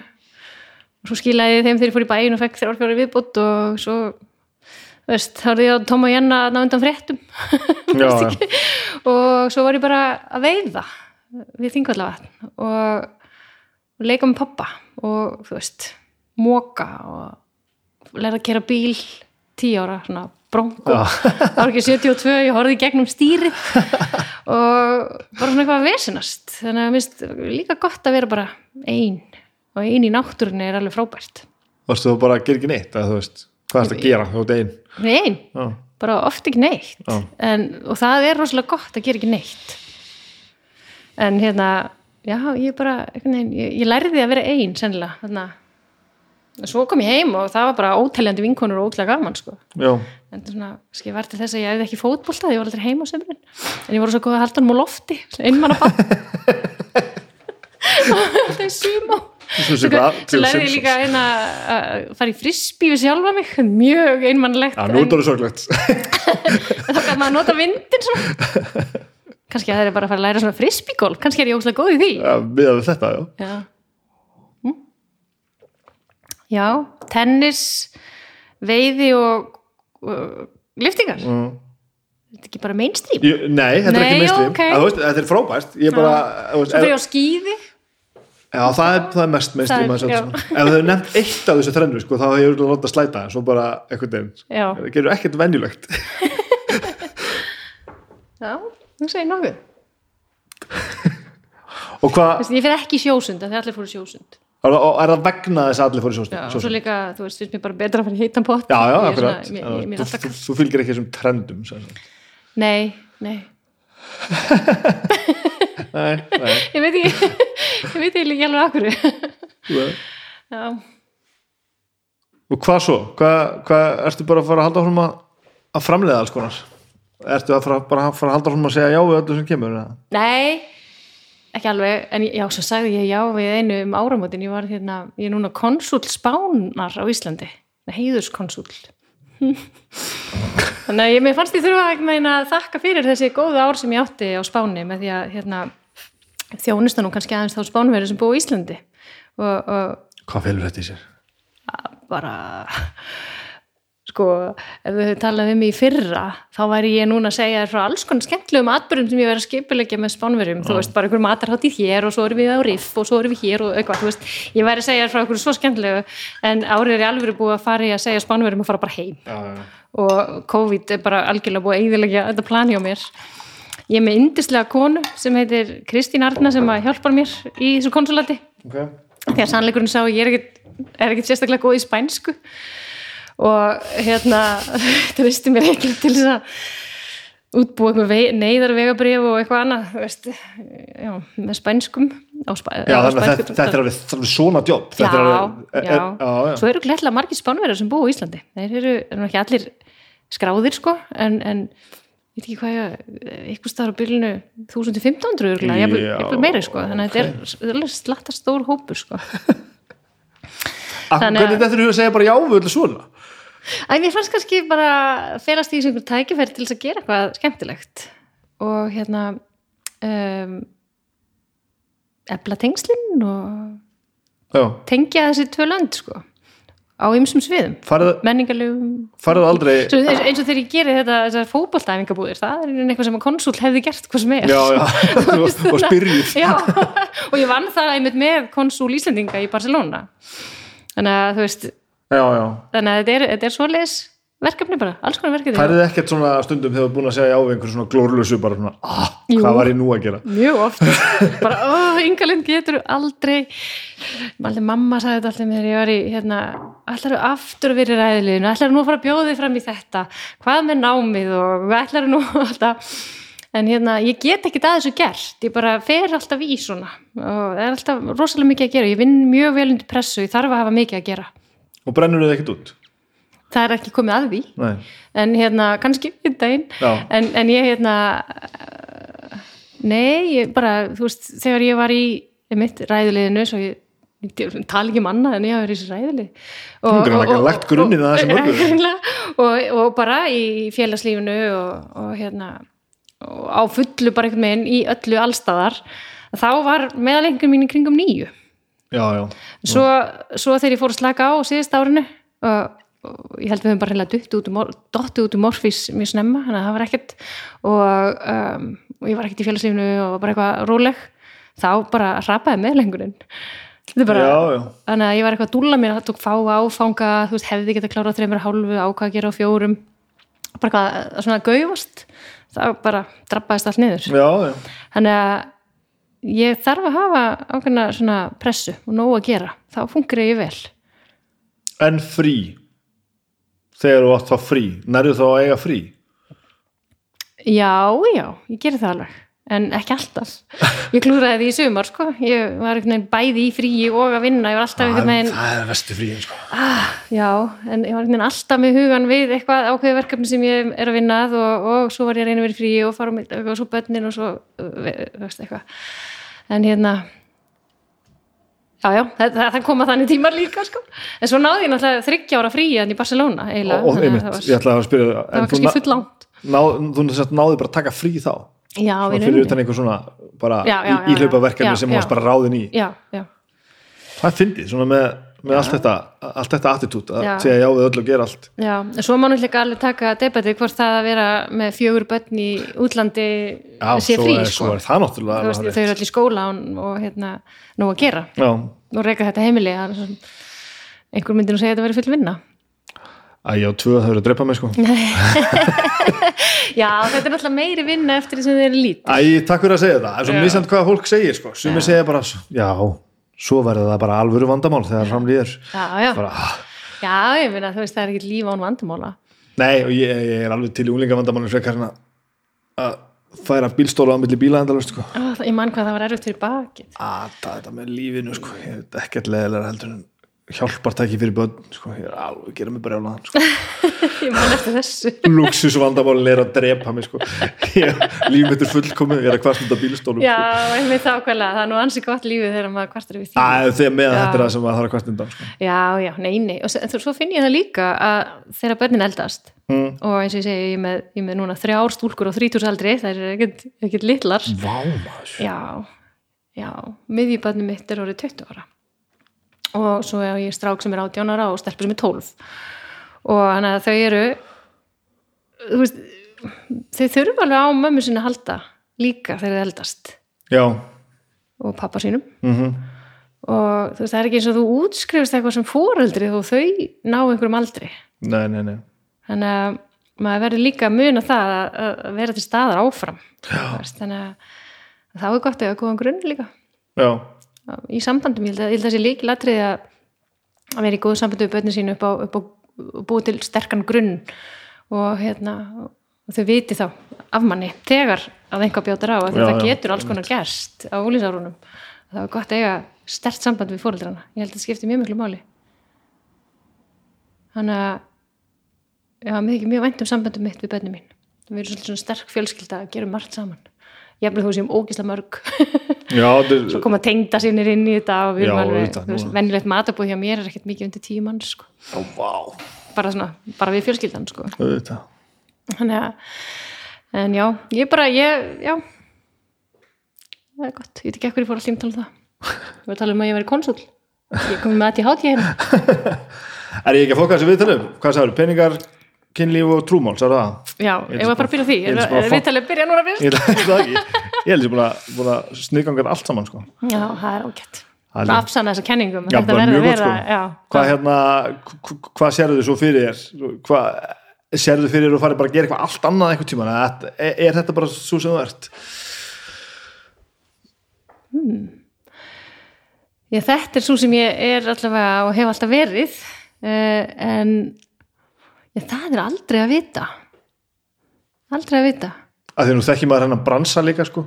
Já, eins og þessi framleiðslu bransi og þetta, það breytst Já. allt svo ofbóðslega hratt já, og auðvelt einhvern veginn að stökkva inn í einhver, einhver önnur djóp þegar þau koma og, og þú veist að því að leiðina liggja svo, svo, svo víða út frá Já. þessum, störfum.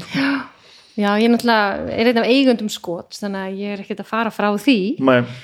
Um, en ég hérna það er reyndar einn hérna það er einhver þráður í mig sem að ég hef eiginlega ekkert verið að, að spinna með og það er, mér finnst gaman að skrifa og hérna, en ég hef ekki gert kannski mikið af því.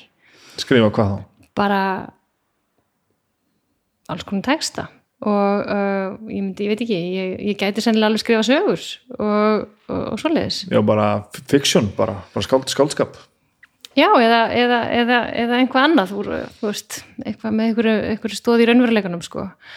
Þannig að ég veit það ekki. Það getur vel verið að einhver tíman gerir ég það. Ég hef svona, það er svona ég er svo ég sé feimin við að prófa það, örgulega með einhvern kvenlegan ótta við að mistakast.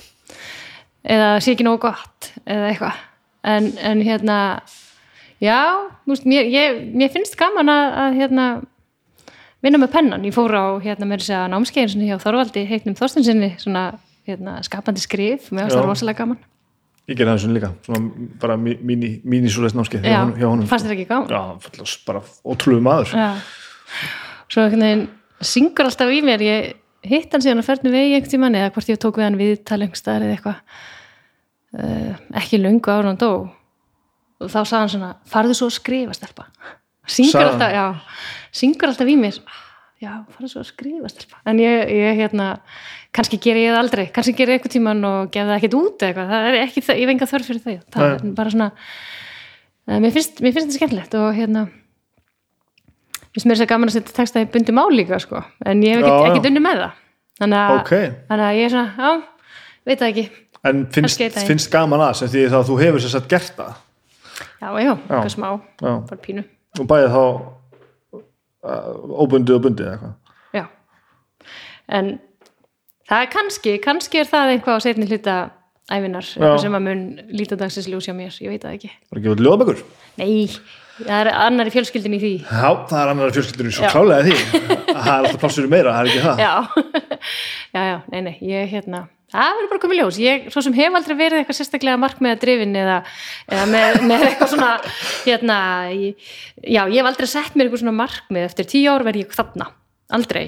Og ég bara vil ekki gera það Nei, ég bæðir ófær um það af því að ég tek alltaf bara því sem höndum ber og er til í óvæntar beigur en hérna ég svo hrættum að ef maður setur sér svona markmið þá einblýnum maður svo mikið á því að komast þangað að maður missi af einhverju öðru leiðinni. Já, já.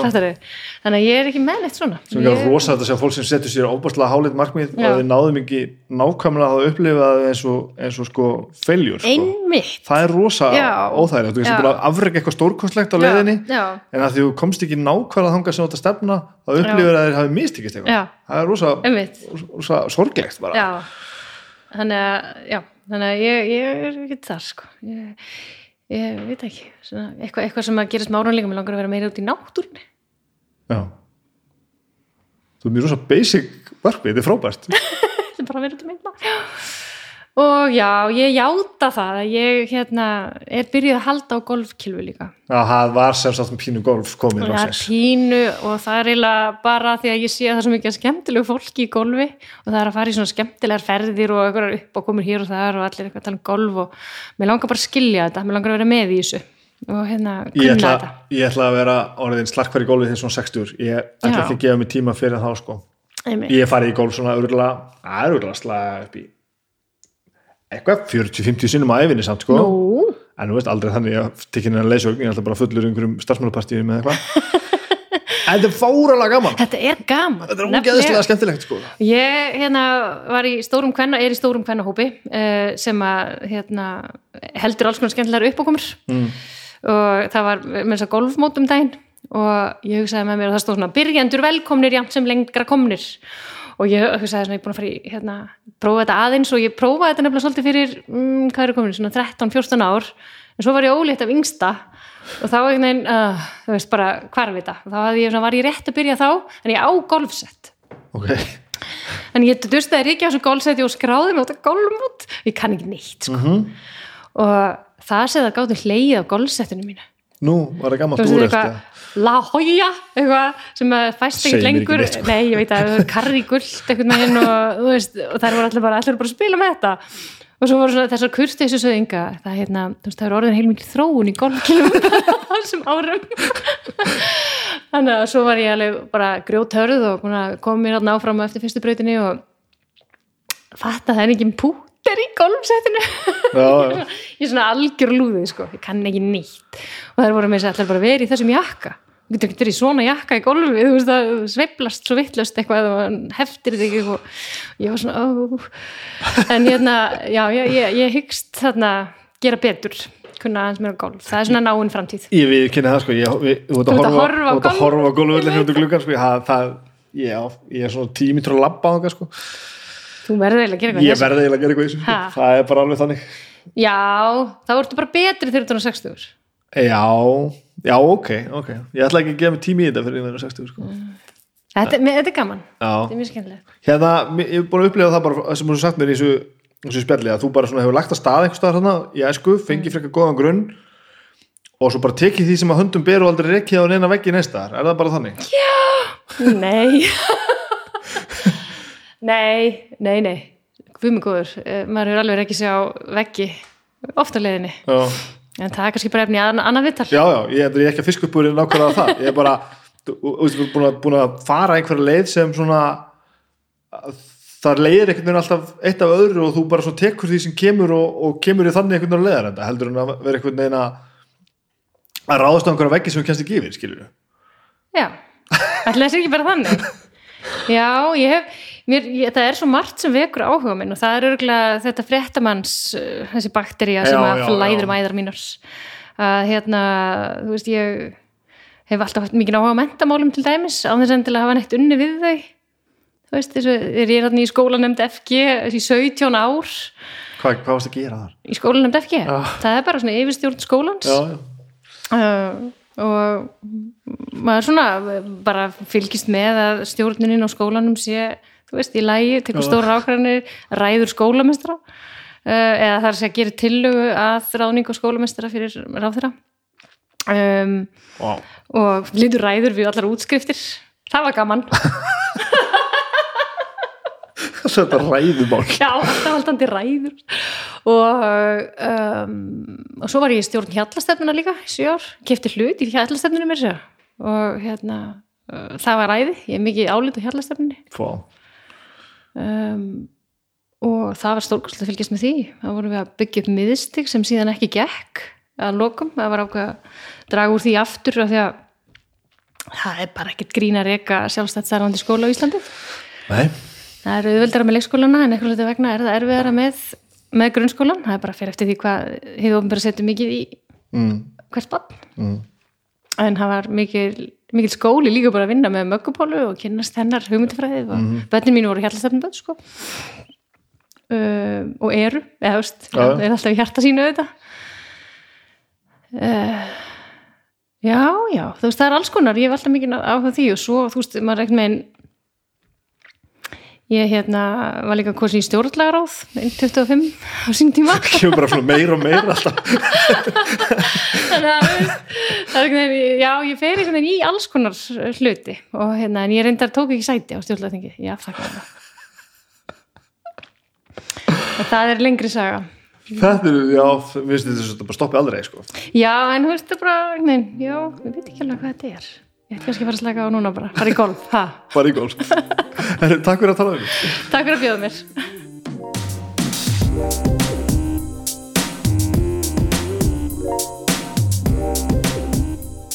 Svona var þetta nú, skjallið við Ingulind hún hefur náttúrulega auglóðslega nóg að segja búin að gera ævintýralega margt. Mér leiði ekki eins og ég var að tala um mannsku á, á mínum aldri. Rosalega margir hlutir og margilegir og út og söður og áhugamólin hinga og þanga og einhvern veginn frábært. Ríkala gaman, ég verði eins og verði kannski að fara að taka upp gólkiluna strax ef ég ætla ekki að ef ég ætla ekki að láta hana lúskra á mér hérna þegar ég voru um 60 ég þarf sennilega að taka golfdraumana og færa á þess framar á, á, á daskana, ég ætla að vera góður í golfi bara um 50 hér með ákveðst það, ég ætla að vera góður í golfi um 50 slarkvær, ekki kannski góður. Aðeins um hljóðkirkjuna áður en ég segi bless. Domstafar á mánudaginn, ég hef ekki hugmynd um hvaðu tölu ég, ég var ekki, á, þriðdagen var eins og kokkaflakk viðtalið við Hrefnu Sætran sem var ógeðslega skemmtlegt Það er ólega að tala við hrefnu sem er náttúrulega sjómaskokkur, veitingásegandi og, og, og baregandi og ég veit ekki hvað hvað og allra halda snillingur. Drauga fortíðar, eh, þar var umfjöllunar efnið vetrarstríðið. Og ég ætla nú ekkert að segja ykkur meira frá því, þið skulle hlusta á hann þátt, hann er algjörlega, algjörlega frábær. Eh, besta platan á morgun er Oasis, besta platan með Oasis. What's the story morning glory? Já, þarna þurfti að gera það í brók og þarna þurfti að, takast á um hlutina því að þetta er nú ekki alveg eins tvívitt verkefni og, og það virkar. Eh, ég bara skora okkur þegar þið slökkuðu þessu, fara að hlustið á What's the story morning glory plötuna og, og tjekja því hvernig hún eldist. En í dag var það ég, snæpið talaði fólk. Það var Inga Lind þetta var mjög, mjög skemmtilegt. Haldið áfram að taka okkur á, á öllum samfélagsmiðlum og gefa okkur einhvernir þar sem við á og, og þumala upp þumala upp og bara hitt á þetta. Þannig gengur þetta allt betur og þannig getur við haldið áfram. En ég ætla að hætta þessu fokking röfli. Takk fyrir þessa vikuna, bye